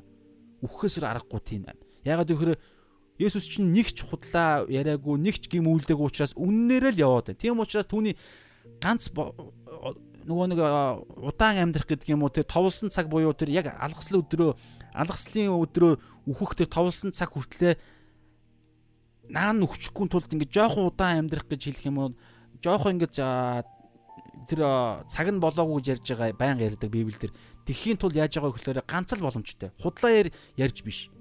Ганц боломж нь юу гэхээр холдох хавчлагаас холдох. Ийм л ганц арга зам хэрэгжилж байгаа Иесус ерөнхийдөө. Аа гэтэл бид нар бол яадаг вүлээ? магадгүй заримдаа тэрийг өөрөөсөө мэрэгүү ухаан гэж хэлэх магадлал аюултай. Гэтэл бид гим үлдэхгүйгээр мэрэгүү ухаантай байх боломжтой байхгүй юу? Ариун сүнсдэл тийм чадвар байгаа. Мата 10 дээр илгээлтэнд явхоос өмнө дагалдагч нарт хэлдэг. Би та нарыг сүрэг чон дундах хонь мэт илгээлээ. Аюулын аюултай орчныг нь хилчиж байгаа гэсэн үг. Үлсгэлэн сүрэг чон дунд нэг хоньыг илгээж байгаа юм шиг би та нарыг явуулж байна энэ дэлхийн ертөнцийн дээр бидний амьдралын нөхцөл байдал яг энэ. Аа тэгээд араас нь дараагийн ишлэлээр юу гэж байгаа гэхээр тиймээс та нар могоо мэт мэрэгүү ухаантай дагтаа мэт гимгүү вэ. Гим үлдэхгүйгээр мэрэгүү ухаантай байхад л бид суралцах хэрэгтэй байхгүй. Тэгэхгүй те ингээд юу гэдэг цагаан худал ярих ч юм уу те ингээд нэг юм янз бүрийн байдлаар бид яг го цагаан худал модлыг янз бүрийн тийм хүм яриамаараа байгаад байгаа. Ямар ч байсан ингээд бид гим үлдэхгүйгээр гим үлдэхгүйгээр бид мэрэгүү ухаантай байхад сурах хэрэгтэй ариун сүнсээр л заалгана гэсэн. Библиэр заалгана л гэсэн үг байхгүй юу? Тэгэхээр энд Есүс хардаа та анзаарах юм бол а одоо энд бол Есүс Христ нэлээд үхэл рүүгээ ойртож байгаа. Үхлийн сүүлийнх нь хэдэн сар явагдаж байгаа байхгүй яг ингээд судлахаар бол аль эзэн дээр сүүлийнх нь жил нь эхэлсэн. 3 дахь жил нь эхэлсэн. Тийм учраас одоо чухал чухал үгсүүдийг шууд шууд хэлж эхэлж байгаа байхгүй. Үннээрээ байж эхэлж байгаа. Мэдээж урд нь ч гэсэн үннээрээ байна. Тэгтээ үн үнэнг нь гаргаж ирэх боломжтой тэр нөхцлөөс холдож исэн байхгүй? Галилд хөвчлэн төвлөрж исэн. Галилд нь фарисеучуд хуулийн багш нар ирэх үед нь Галилаас хоошоогоо ухраад Тир, Сидон, Декаполь руу дахиад таталт хийсэн. Ингээд цагийг жоохон удаашруулж исэн. Харин одоо бол яаж байгаа гэхээр цаг нь нилээнд өгч байгаа учраас яг тулах үед үннээ хэлж хэлж гинэ гэсэн үг. Урд нь худаа ярьсан гэсэн үг шүү. Зүгээр байцаагдах байдлаас л холдож исэн гэсэн санаа. За тэр нь мэрэгүү ухааных нь нөгөө ярьжсэн илэрлэл. Түүнсээр худлаа ярьж цаг хугацааг удаашруулсан гэсэн байдлаар бол биш. Тэгэхээр энд ингэж байгаа. Тийм учраас би түүнийг мэдэх хэрэг би түүнийг мэдэхгүй гэж хэлбэл би та нарт одоо чинь хэрэг би түүнийг мэдэхгүй буюу хэрэг би бурхны хүү биш гэж хэлвэл би бурхнаас илгээгдсэн биш гэж хэлвэл хэрэг мөн гэж хэлэхээр чинь тэд нар та чи бурхныг бурхантай адилтглаа гэдээ алах гээд байгаа шүү дээ. Тэр нь гол нь үнэн. Тийм учраас би та нар намайг алахч вэ, яах ч вэ би энэ үннийг үннийг би үнэн биш гэж хэлвэл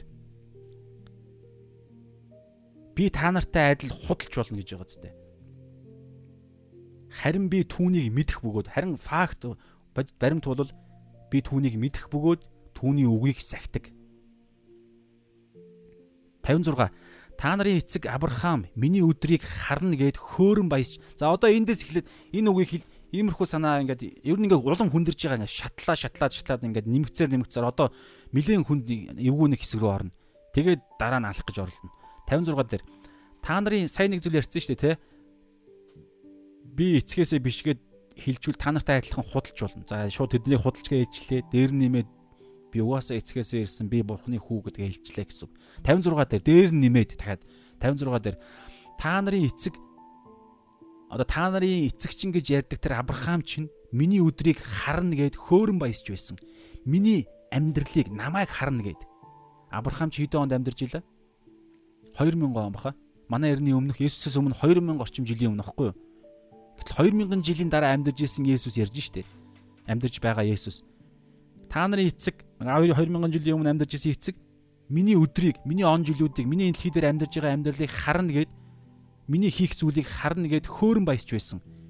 Үүнийг тэр хараад баярлсан юм.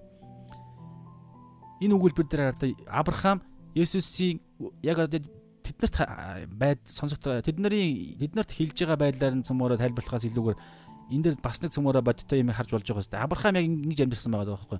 Есүсийн Есүсийг Авраам сонссон.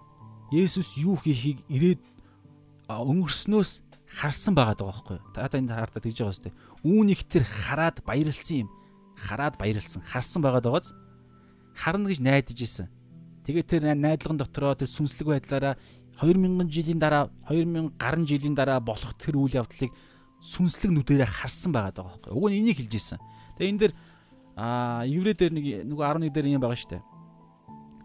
Еврей 11:13 дээр тэд бүгд амлалтуудыг авалгүйгээр харин холоос тэдгэрийг харж батлан хилж өөрсдийгөө дэлхийд гадныхан ба төрс сууршигчид гэдгийг хүлээн зөвшөөрч итгэл дотроо нас барсан билээ.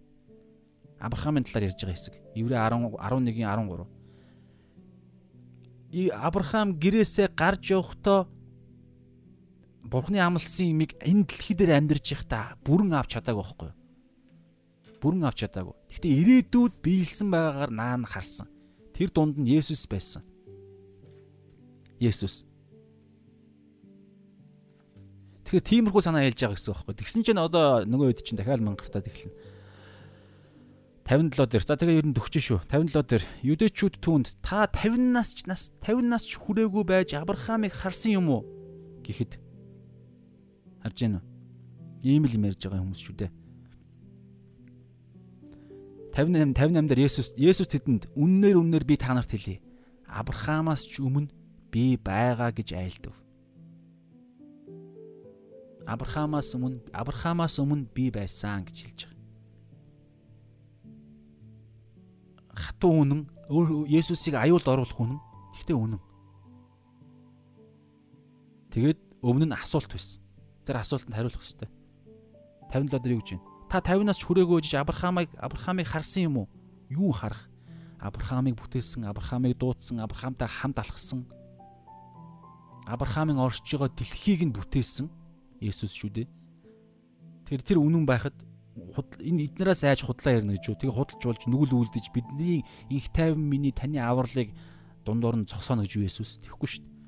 Тэгээ өөрийгөө өгөхөө сон аюулд орохыг сонгож байгаа.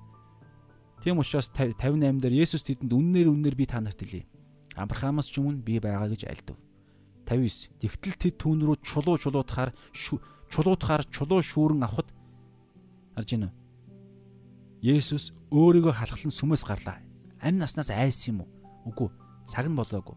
Нэгдүгээр, хоёрдугаарт олон иш үзүүлгүүд биелэх ёстой. Тэрний бас нэг биш үзүүлэг байгаа. Есүс загалмай дээр модон дээр хараал болж хадагдах ёстой байхгүй юу? Загалмай дээр өгөх ёстой.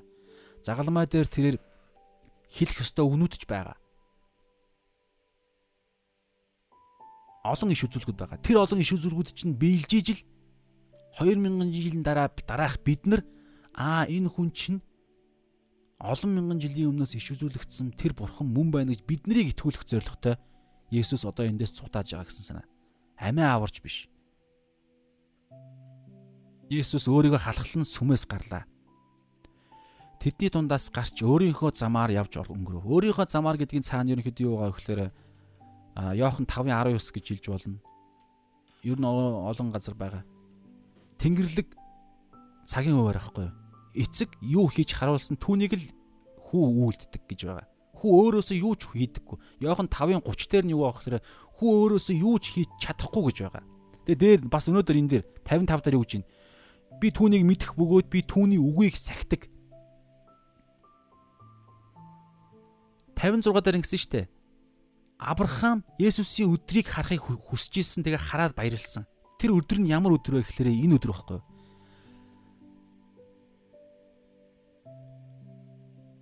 энэ дэлхийн хүн төрлөختн гим нүглийн хүн төрлөختн бурхан аавынхаа үгийг сонсоод сахин амьдрдаг тэр амьдралын хэм маягийг эхлүүлэх зорилготой. Есүс яг ингэж амьдэрсэн. Йохан 5:30 дээр хүү өөрөөсөө юу ч хийж чадахгүй гэж хэлсэн. Есүс бодит байдал дээр ч хийж чадахгүйгээр амьдэрсэн. Чадахгүй хүн болж ирсэн бас. Яагаад бид нарын бид нарт үлгэр дуурайлал нэг юм шоглоом загвар үзүүлэхийн тулд баггүй юу? Тийм учраас яг хүн болж ирсэн. Яг хүн байсан. Бидний биднэрт ирдэг сорилтыг бүгдийг нь туулаад цаана гэмгүү гарч чадсан. Ариун сүнсний хүчээр. Тийм учраас яг та нар над шиг Йохан Лук 9-ийн хэдэр байгаа лээ 24 мөр байгаа лөө 29 дээр ч байгаа лөө юу гэж байгаа гэхээр та нар намайг дагахыг хүсвэл яг араас нь мөрөөр нь дагахыг хүсвэл өдөр бүр загал өөрийгөө үгүйсгэн загалмайгаа өрөөд намайг даг. Есүс өдөр бүр өөрийгөө үгүйсгэн өөрийгөө өхүүлэн тэгээ загалмай руу амьдрсан шиг та нар ч гэсэн өдөр бүр өөрийгөө үгүйсгэн өөрийгөө өхүүлэн загалмай буюу бусдын төлөө өөрийгөө золиослон амьдрах амьдралаар амьдр. Энэ бол аврагдсан хүний дагалдагч хүний цорын ганц нөгөө Мата 7 7-гийн 20 12 13 13 14 дээр байгаа байлуу 23 24 дээр байгаа байлуу тэр ишл хавчиг хаалга хавчиг зам гэд тэр ганц л замаар явах дуудлагатай. Тэгээ эцсээ хүртэл явбод эцэст нь заавал барайнд орж ижил аврал ирэгддэг. Тэгвэл ингэж ингэж явахт нь хүч явах боломж болох ариун сүнсийг биднэрт өгч гисэн. Тэгэхээр ариун сүнсээр амьдрахгүй алхахгүй бол бид алхаж чадахгүй байхгүй юу? Тийм амьдрал. Есүсийг яаж бид дуурайх вэ? Есүс төгс гимгүү амьдрсан тэр төгс хүний хүнээр бид хийж амьдрч чадахгүй шүү дээ. Өдөр болгон бид мэдэрдэг. Тийм учраас ариун сүнсээр л бид амьдрч сурах хэрэгтэй. За тэгээд ямар ч өнөөдөр хэсэг ингээд ерөнхийдөө бол болчлоо. Тэгээд хальт дүгэн чадвал дүгнээд өндөрлөө. Тэгэхээр 59 дугаар ишлэлийг би унших болгонд надад их тийм гоник төрдөг. Есүс эзнийгаа бараг л уйлах гал юм л да. Есүс эзнийхээ бараг л тэ ямар бидний төлөө тэ ямар зовж амьдрсныг бид одоо ингээд Библи унших болгонд хардаг байхгүй. Тэгээд ингэсний зорилго нь юу вэ гэхээр бид өнөөдөр энэ дэлхий дээр зовж зовхдоо гим нүглээсээ болж биш. Гимгүү амьдрахын төлөө, ариун амьдрахын төлөө, Бурхны хаанчлалын төлөө, золиостой амьдрахын төлөө бид зовх тийм дуудлагатай. Тэгээд зовж байхдаа бид энэ мэтчлэн Есүсийн амьдралыг хараад би эзэнтэйгээ адилхан амьдрах гэж хичээж энэ да. Эзнийхээ ариун сүнсээр амьдрах амьдрж амьдарж байгаа нэг ч гэсэн алхам алхмаа олж хараад зовлонтойдоо баярлна гэдэг нөгөө ойлголт байхгүй. Тэгээд эн чин би хэрээс нэгтсэн бидний зовдөггүй шүү дээ. Тэгтэл ямар ч хэмжээний зовлон биднийг зовоодог, өвтгдөг.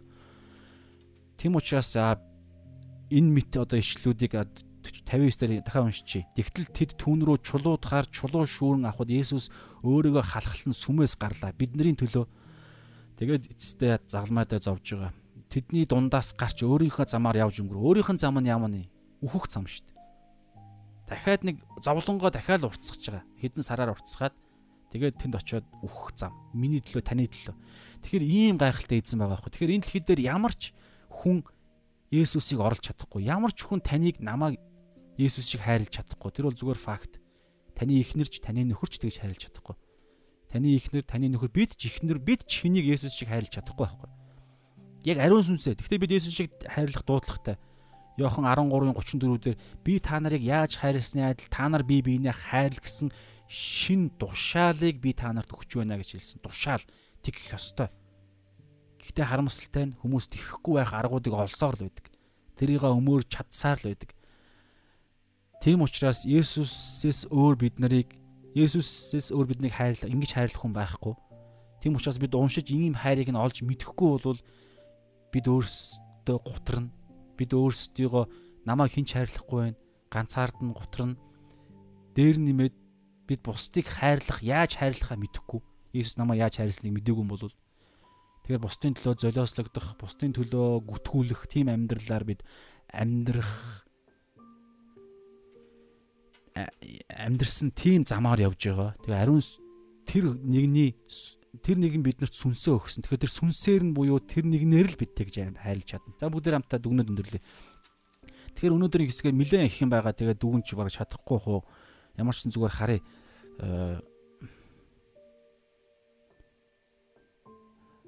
Ан дээр нэг ийм юм байгаа байхгүй бас.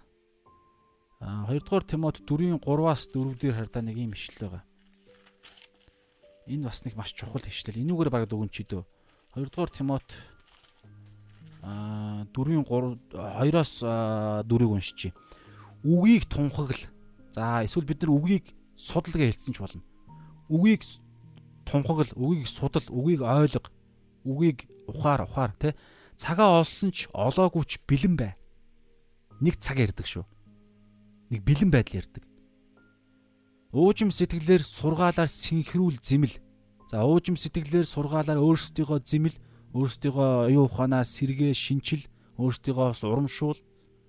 Цагаа олсон ч олоогүй ч гэж ярьж байгаа шүү дээ. 3-аас нэг 2 дугаар Тимот 4-ийн 3-аас цаг нь ирэхэд хүмүүс эрүүл сургаалыг төвчөхгүй болж харин хүслийнхээ дагуу жихийг нь гижигдсэн багш нарын багш нарыг өөрсөддөө цуглуулах бөгөөд жих нь үннээс эргэж үлгэр домгуудад ханд тулноо. Тим цаг айсгүй Монгол итгэж итгэлийн ахан дүүс нар минь. Монгол чуулганд тим цаг айсгүй. Энэ дэлхий дээр дэлхийн чуулганд тим цаг айсгүй. Инх тайв миний амьдрал таны амьдралд ч гэсэн тим цаг айсгүй. Тийм учраас наан нь бэлэн бай гэж хэлж байгаа. Хоёр дээр үгийг тунхагл цагаа олсон ч олоогүй ч бэлэн бай. Үгийг судал үгийг ойлго ухаар үгээр оюун ухаанаа Эфес 4 дээр хэлж байгаа оюун ухаанаа үгээр шинчил. Яагаад? Аюул айсгүй. Монгол чуулган минь. Аюул айсгүй. Тэр нь ямар аюул юм? Улс төрийн нийгмийн хавчлага юм уу? Үгүй. Тэр чинь яг үннийг хэлэхэд тийм байдал донд итгэл итгэгч нарыг итгэл нь улам хүчрхэгчдэг байхгүй. Энд өөр юм ярьж байгаа. Өөр байдлаар бид нарыг аюулд оруулах аюул айсвэ. Тэгээ тэр аюул нь ямар аюул юм? Там яригдана, мөнхийн үхэл яригдана. Мата дээр өөрийгөө мэхлэгчд гэж ярьж байгаа тав дээр аврагдсан гэж бодож явж байгаа тэр өдөр там руу илгээгт итгэгч нар хэдэн мянгаараа олноороо гэж Мата 5 дээр өөрийгөө мэхлэгчд гэсэн гарчиг байгаа. Тийм учраас бид тийм залмих залмихний цаг айс байхгүй 3 дээр тэгж цаг нь ирэхэд цаг нь ирнэ угаасаа. Тэр цаг ирэх үед хүмүүс эрүүл сургаалыг төвчөхгүй болно харж уу? Библийн дагуу эрүүл сургаал ярих үед бүр төвчхээ байж ирнэ гэсэн. Тэгээд за наадах чинь бүр ядаргаатай бүр дахиад нөгөө нэг биднийг зовоогоо тэглэлээ дахиад биднийг айлгаад тэглэлээ наадах зайлвал зайлвал өөр пастор ол ол бид нар өдөртөгч туузын зөвлөлийнхэн штэ гэж хэлэнгүүтлээ ямар хүмүүсүүд авчирна гэж харин хүслийнхээ дагуу 3 дугаар ишлэл хүслийнхээ дагуу чихийг гижигдсэн багш нарыг өөрсөддөө цуглуулах болно. Өөрсөддөө. Бурханд Есүсийн цуглаан шүү дээ. Гэтэл өөрсөддөө зориулаад чихийг нь гижигдсэн хүслийг нь хүслийнхэн дагуу гой байдаг. Амар тайван хайр ерөөсө баян амьдрах ёстой мостой гэдэг амар гой гой юм номлодог багш нарыг өөрсөддөө цалингийн өгөөд өөрсөддөө авчирна гэсэн. Тим цаг айсгүй. Магадгүй одоо эртсэн цуглаанууд байх магадaltaй. Мэдхгүй. Тийм учраас бүгд хамтдаа яг үж дүгнэх вэ гэхлээр Есүсийн өнөөдрийн бидний үздсэн хэсэгдэр байн байн анзаарэгдэж байгаа. Есүс дандаа үнэн дотор алхаж байгаа, үнэн ярьж байгаа. Энэ үнэн дотор бид алхахын тулд ямар яах ёстой вэ гэхээр үннээ судлах хэрэгтэй үннээ үнэнгээ олж харах хэрэгтэй. Тэгээд үнэнгээ олж харцсан болвол тэр үнэнгээ олж харцсан энэ зүйл чинь бидний сүнсэнд байгаа. Тэгээд бид амьдрахтаа үннээсээ их сурулж авч өөрөөсөө худал ярих биш. Үннээсээ их сурулж авч бид ярьдаг, үйлддэг, шийдвэр гаргадаг байх хэрэгтэй. Би өөртөө хэлж байгаа. Бид бүгд өөрсдөө л хэлэх хэрэгтэй. Хин нэгэн хүнд би ерөөсөө яриаггүй. Өөртөө хэлж байгаа. Тэгэхээр бүгдээрээ тийм байхыг хэрэгжүүлэх болгоо тэгээ залбираад өндөрлөө. Эзэн минь энэ цагийн төлөө талархъя. Тэгээ өнөөдрийн цагийг та гаргах боломжоор хангасан баярлалаа эзэн. Тэгээд аваа итгэлийн сүнсний сэтгэлийн ингээд олон тулаан дунд эзэн минь бид таны үгэн дээрээ л ирж чаддаг байхыг хүсвч эзэн бид олон дорой байдлаасаа болоод эзэн бид ундаг, сулддаг эзэн буруу сонголт хийдэг. Гэхдээ эзэн та ямар нэгэн байдлаар биднийг дандаа үг рүү аваачиж байгаач л гэж гуйж байна эзэн. Үгээс л бид тайтгарлыг, үгээс л бид үннийг, үгээс л бид бидэнтэй адилхан зовсон зовсон Есүс таныг олж хардаг. Тэгээд эзэн хамтрагчаа, найзаа, хайраа олж хараад эзэн энэ зовлон дунд надтай хамт намайг үүрээд явж байгаа эзэн минь байгааг олж хараад би тайтгардаг үлээ эзэн минь тиймээс өнөөдрийн төлөө талархъя тэгээд энэ үгээр дамжуулан эзэн та биднийг улам илүүгээр үнэн дотор алхдаг, гэрэл дотор алхдаг, таны үгийг хэрэгжүүлдэг хүмүүс байлгаж байгаа ш. Тэгвэл хизээч та биднийг үхэл үзүүлэхгүй гэж та амласан тийм учраас тандаа талархан Есүсийн нэрээр залбирч байна. Амен. За хамт исэн хүмүүстээ баярлалаа. Үнэхээр баярлалаа. Оройтсон ч гэсэн хамт исэн хүмүүстээ баярлалаа. Тэгээд дараа нь нөхөж үзэх хүмүүстээ бас сонгоод үздэг Библийн үг рүү ирдэг Бурхны өмнөөс баярлаа гэж хэлж байна. Ягаад тэгэхээр та хүчрхчих юм бол танаар дамжуулан нэгдүгээрт Үлс 16-гийн 31 дээр байгаа илүү те. Таны гэр бүл аврагдана. Тэгэхээр таны гэр бүлийн гиш ирээдүйн аврагдах гişүүдийн чинь өмнөөс бас баярлаа гэж хэлж байна. Та үг рүү ирж л байгаа бол гайхалтай ерөөлийн мянган үеийн ерөөл хэлж байгаа шүү. Мэдээж одоо бодиттой харагдахгүй байж болно. Гэхдээ ерөөл байгаа. Итгэж байна. Еврей 11-ийн 1 дээр байгаа шүү дээ итгэл бол найддаг зүйлсийн бодит байдал буюу бодит тэр яг биеллийнхэн тэр амталгаа харагдахгүй зүйлсийн баталгаа баримт нотлох баримт гэж байгаа байхгүй юу. Тэгэхээр мэдээж яг бидний тэр мянган үеийн ерөөл тэр гайхалтай хайраар дүүрэн бурханлаг гэр бүл биднэрт харагдахгүй байна. Харагдахгүй байна. Бас яг бодиттой биелээгүй. Гэхдээ бид найдаж байгаа аа биднэрт тэ баримт нь байгаа. Тэр нь юу юм? би өнөөдөр та өнөөдөр бурханлаг хүн болж эхэлж байгаа байхгүй юу? Бурханд итгэж итгэж амьдарч байгаа. Тэгэхээр Үлс 16-гийн 31 дээр юу гэж байгаа гэхээр эзэн Есүс итгэхтэн тэгвэл чи болон гэрийнхэн ч аврагдана гэж хэлж байгаа. Тэгэхээр таны та зөвхөн өөрийнхөө төлөө итгэж байгаа юм биш шүү. Та итгэх юм бол танаар дамжуулан гэр бүлт чинь өрөөл ирнэ. Хин өрөөх юм? Эзэн өөрөө ирнэ. Яаж өрөөхөө өөрөө мэдж байгаа. За бүгдээрээ тэгээд ганц нэг ишил байвал комент байвал уншия. Амен асуу Нандя К гэдэг хүн, НК гэдэг хүн амийн асуулт байна. Бурхан бүхнийг мэдгч нэгэн.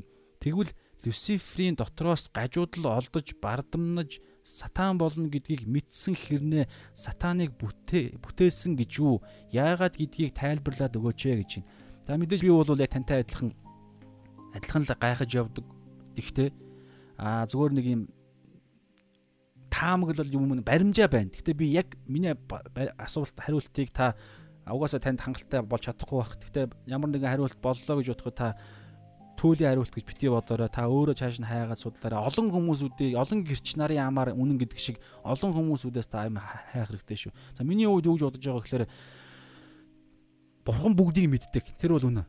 Omniscience мөн чанар гэж байгаа те бурханы ирээдүйн бүхтийг мэднэ. Тийм утга тийм ч утгаараа аврал дээр хүртэл яригддаг байхгүй юу? Бурхан урдаас мэдж тогтооснуудаа дууддаг гэж байгаа дуудагдсанаа зөвтгдөг. Ром 8:29 дээр байгаа байхгүй 29-с 30 дээр байгаа. Бурхан урдаас мэдээд тэгээд урдаас тогтоосноо тогтоос тогтоодог. Одоо жишээ нь таны хин гэдгийг за энд явж байгаа нэг тэр аригчин тэр нэг буддын лам ч юм уу те тэр хүнийг энэ хүн итгэхгүй дээ гэдгийг мэддэг зүгээр. Гэтэ би бид нар мэдэхгүй шүү дээ. Бид тийм учраас бид а энэ хүн итгэхгүй байхаа энэ хүн итгэгч болохгүй хаа гэж зүгээр таамаглаж юусаа болохгүй. Бид шүүгч нар биш байхгүй.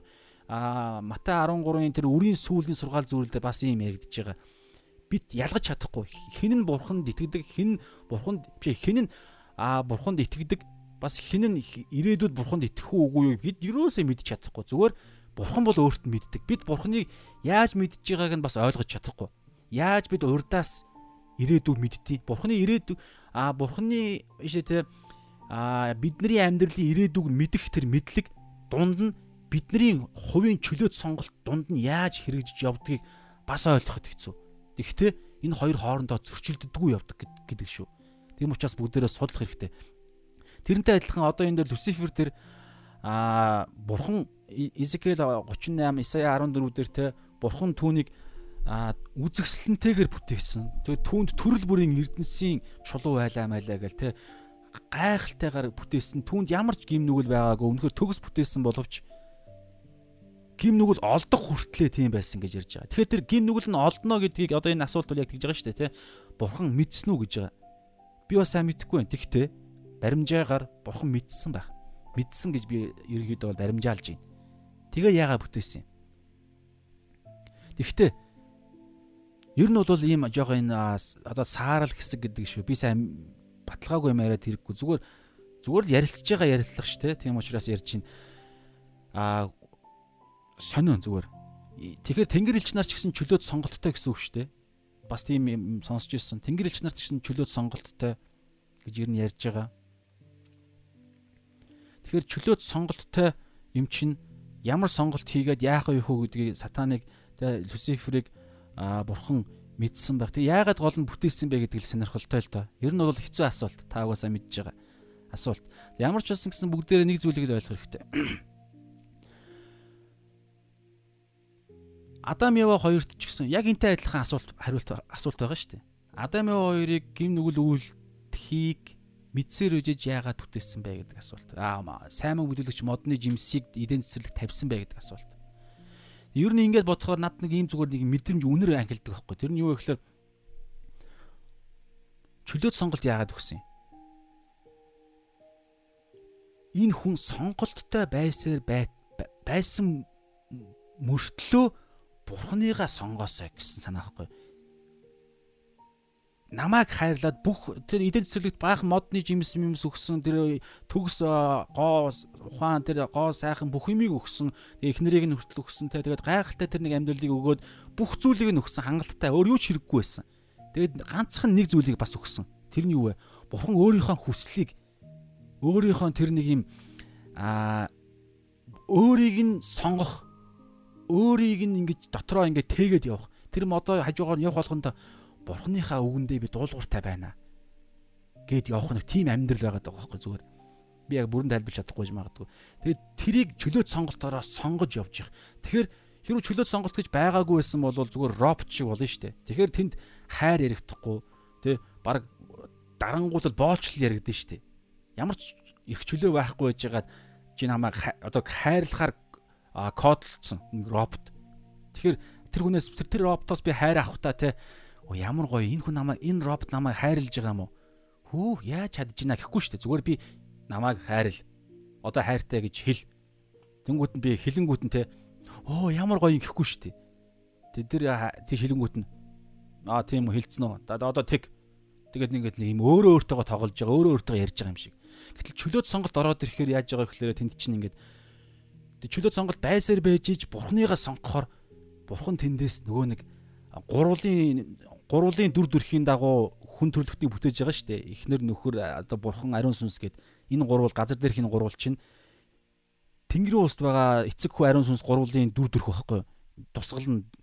Тэгэхээр гурвын тэр төгс харилцааг хүртэл бид ойлгож чадахгүй. Тэгээ тэрний бас нэг илэрлэл чинь энэ чөлөөт сонголт бас дунд нь яваад байгаа байхгүй. Тэгээд ер нь ингээ яривал хэцүү.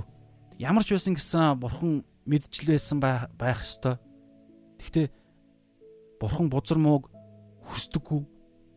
Гэхдээ сатан Люциферд сонголт байсан. Сонгохгүй байх бүрэн хангалттай бүх юм нь байсан. Изекэл 38 сая 14 дээр байгаа бүх зүйлээр үүрийн цолмон гэж байгаа байхгүй. Тэгээ тэр нь нэг талаараа Люцифер гэдэг ямар хилэн дээр үлээ тийм үг байдин гэсэн. Түүнээсээ яг өөрт нь бол нэр байхгүй шүү. Люцифер гэд нэр биш юм байлээ шүү. Тэнгэр элчийнхэн нэр нь. Ер нь тэнгэр элч нарт нэг айхтар нэр байд юм уу юм уу байдаг л ахал та тий.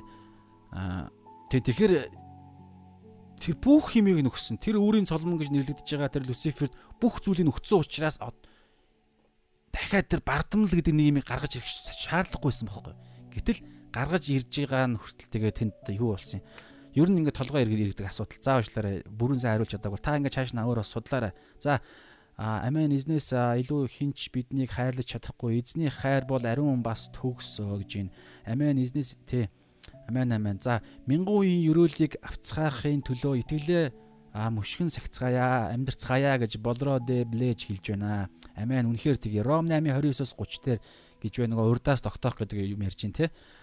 Ром 8:28 дээр бол те Бурхны хайрлаг түүний зорилгын дагуу дуудагдсан хүмүүсүүд тохиолдог бүх зүйл бидний сайн сайхны төлөө хамтаа ажилдаг гэж байгаа 9 дээр нь 29 30 дээр болохоор те Бурхан урдаас мэдэж тогтоосноо дууддаг дуудснаа энэ тестарал маш гоё ярагддаг шүү. Бурхан урдаас мэдээд тогтоодог тогтоосон хүмүүсүүдэд дууддаг. Дуудлагт нь хариулах юм бол зөвтгөн зөвтгөн.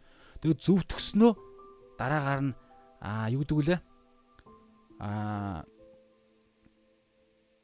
хариуцах нь гэж байгаа юу эсвэл шууд алдаршуулах гэж байгаа юу?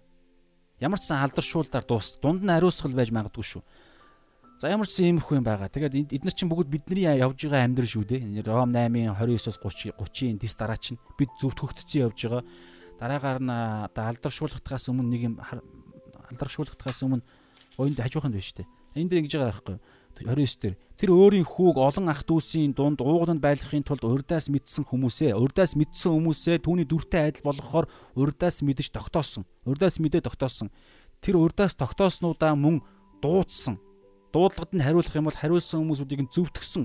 Зөвтгснүүдээ алдаршуулсан гэж байна. Тэгэхээр тэр алдаршуулах гэдэг бол хамгийн эцэст Есүс Христийн хоёр дахь ирэлдээр алдрын биеийг аваад авралаа шууд гартаа бариад жинхэнэ сайн сайхан амьдрал ирнэ гэсэн. Тэгэхээр одоо бид нэр зөвтгөл алдаршуулах хоёрын дунд явж байгаа гэсэн үг гэсэн үг шүү. Энэ дуг нь ариусгал гэдэг юм байдаг Библийн дагуу бол. Тэгэхээр зөвтгөл дотор нь ер нь хамт явцсан гэдэг утгаараа энд байгаа. За тэгээд бүгдээрээ хамтдаа тим за энд бас нэг комент тим байна. Хайр бол инэрэнгүй бөгөөд эрх чөлөөг олгодог. Амен. Хайр инэрэнгүй эрх чөлөөг олгодог. Хайр эрх чөлөөг олгодог гэдэг үг байна те. Сонирхолтой л үг байна. Эрх чөлөөг олгодог. Тий. Ирэх чөлөө гэдэг энэ ойлголт бол сонирхолтой ойлгож байна. Олон ирэх чөлөө байгаа тий. Махбодийн ирэх чөлөө нэг дэлхийн ирэх чөлөө. Гэхдээ энд бол сүнслэг ирэх чөлөө гэж ярьж байгаа гэж найдаж байна. Библийн дагуух. Тэгхийн бол хайр бол яг тэр ирэх чөлөө. Гэхдээ тэр нь илэрхтээ бид ирэх чөлөөгүй байя гэж шийдвэр гаргадаг сонио. Хайр чинь. Тэр нь сүнслэг ирэх чөлөө. Гэхдээ илэрхтээ бид тийм ээ би эхнэрийнхээ төлөө, нөхрийнхээ төлөө, өөр хүүхдийнхээ төлөө би ирэх чөлөөгүй бай. Би золиослогдъё гэдэг тийм шийдвэр гаргадаг. Бас энэ энэ үл итгэгч ахын дүүснэрийн төлөө би а өөрийнхөө эрхийг хойш нь тавиа таны төлөө би үйлчилж амьдрья гэдэг юм эрхчлөөгүй юм шиг амьдралын шийдвэр гаргадаг. За бүгдээрээ тэг яриад байвал гоё яриа л авах те. Тэгэхээр дараагийн цагаар дахин уулзлаа дүр баяртай. Шалом. Сайхан амарцгаагаарай. Хамтсан хүмүүстээ баярлаа. А тий та бүгд маань сануул эсвэл яг одоо ч юм уу санаж байгаа дээр ганц минут ч юм уу миний төлөө залбирж өгвөл талархах шүү а төвчээртэй байхын төлөө бас сэтгэлийн тэнхээтэй байхын төлөө бас эзний хамгаалалт эзний үнэн дотор явахын төлөө та бүгд залбирж өгвөл талархын шүү. Тэгээд харах ёстойгоо хараад харах ёсгүй хажуугийн тэр элдв янзын тэ сорилт элдв янзын тэр зовлон зүдгүр элдв янзын зүйлс хүн болгоны амьдрал байдаг. Тэрийг тэрнээс болж гол зүйлээ а гол зүйлээ дээрээ төвлөрөхгүй ингэж илүү янзын сорилтонд орохгүй бити ороосаа гэдэг. Ер нь хамгаалтын төлөө та залбируу талархын шүү. Зааш болоо. Сайхан мацгаагаарай.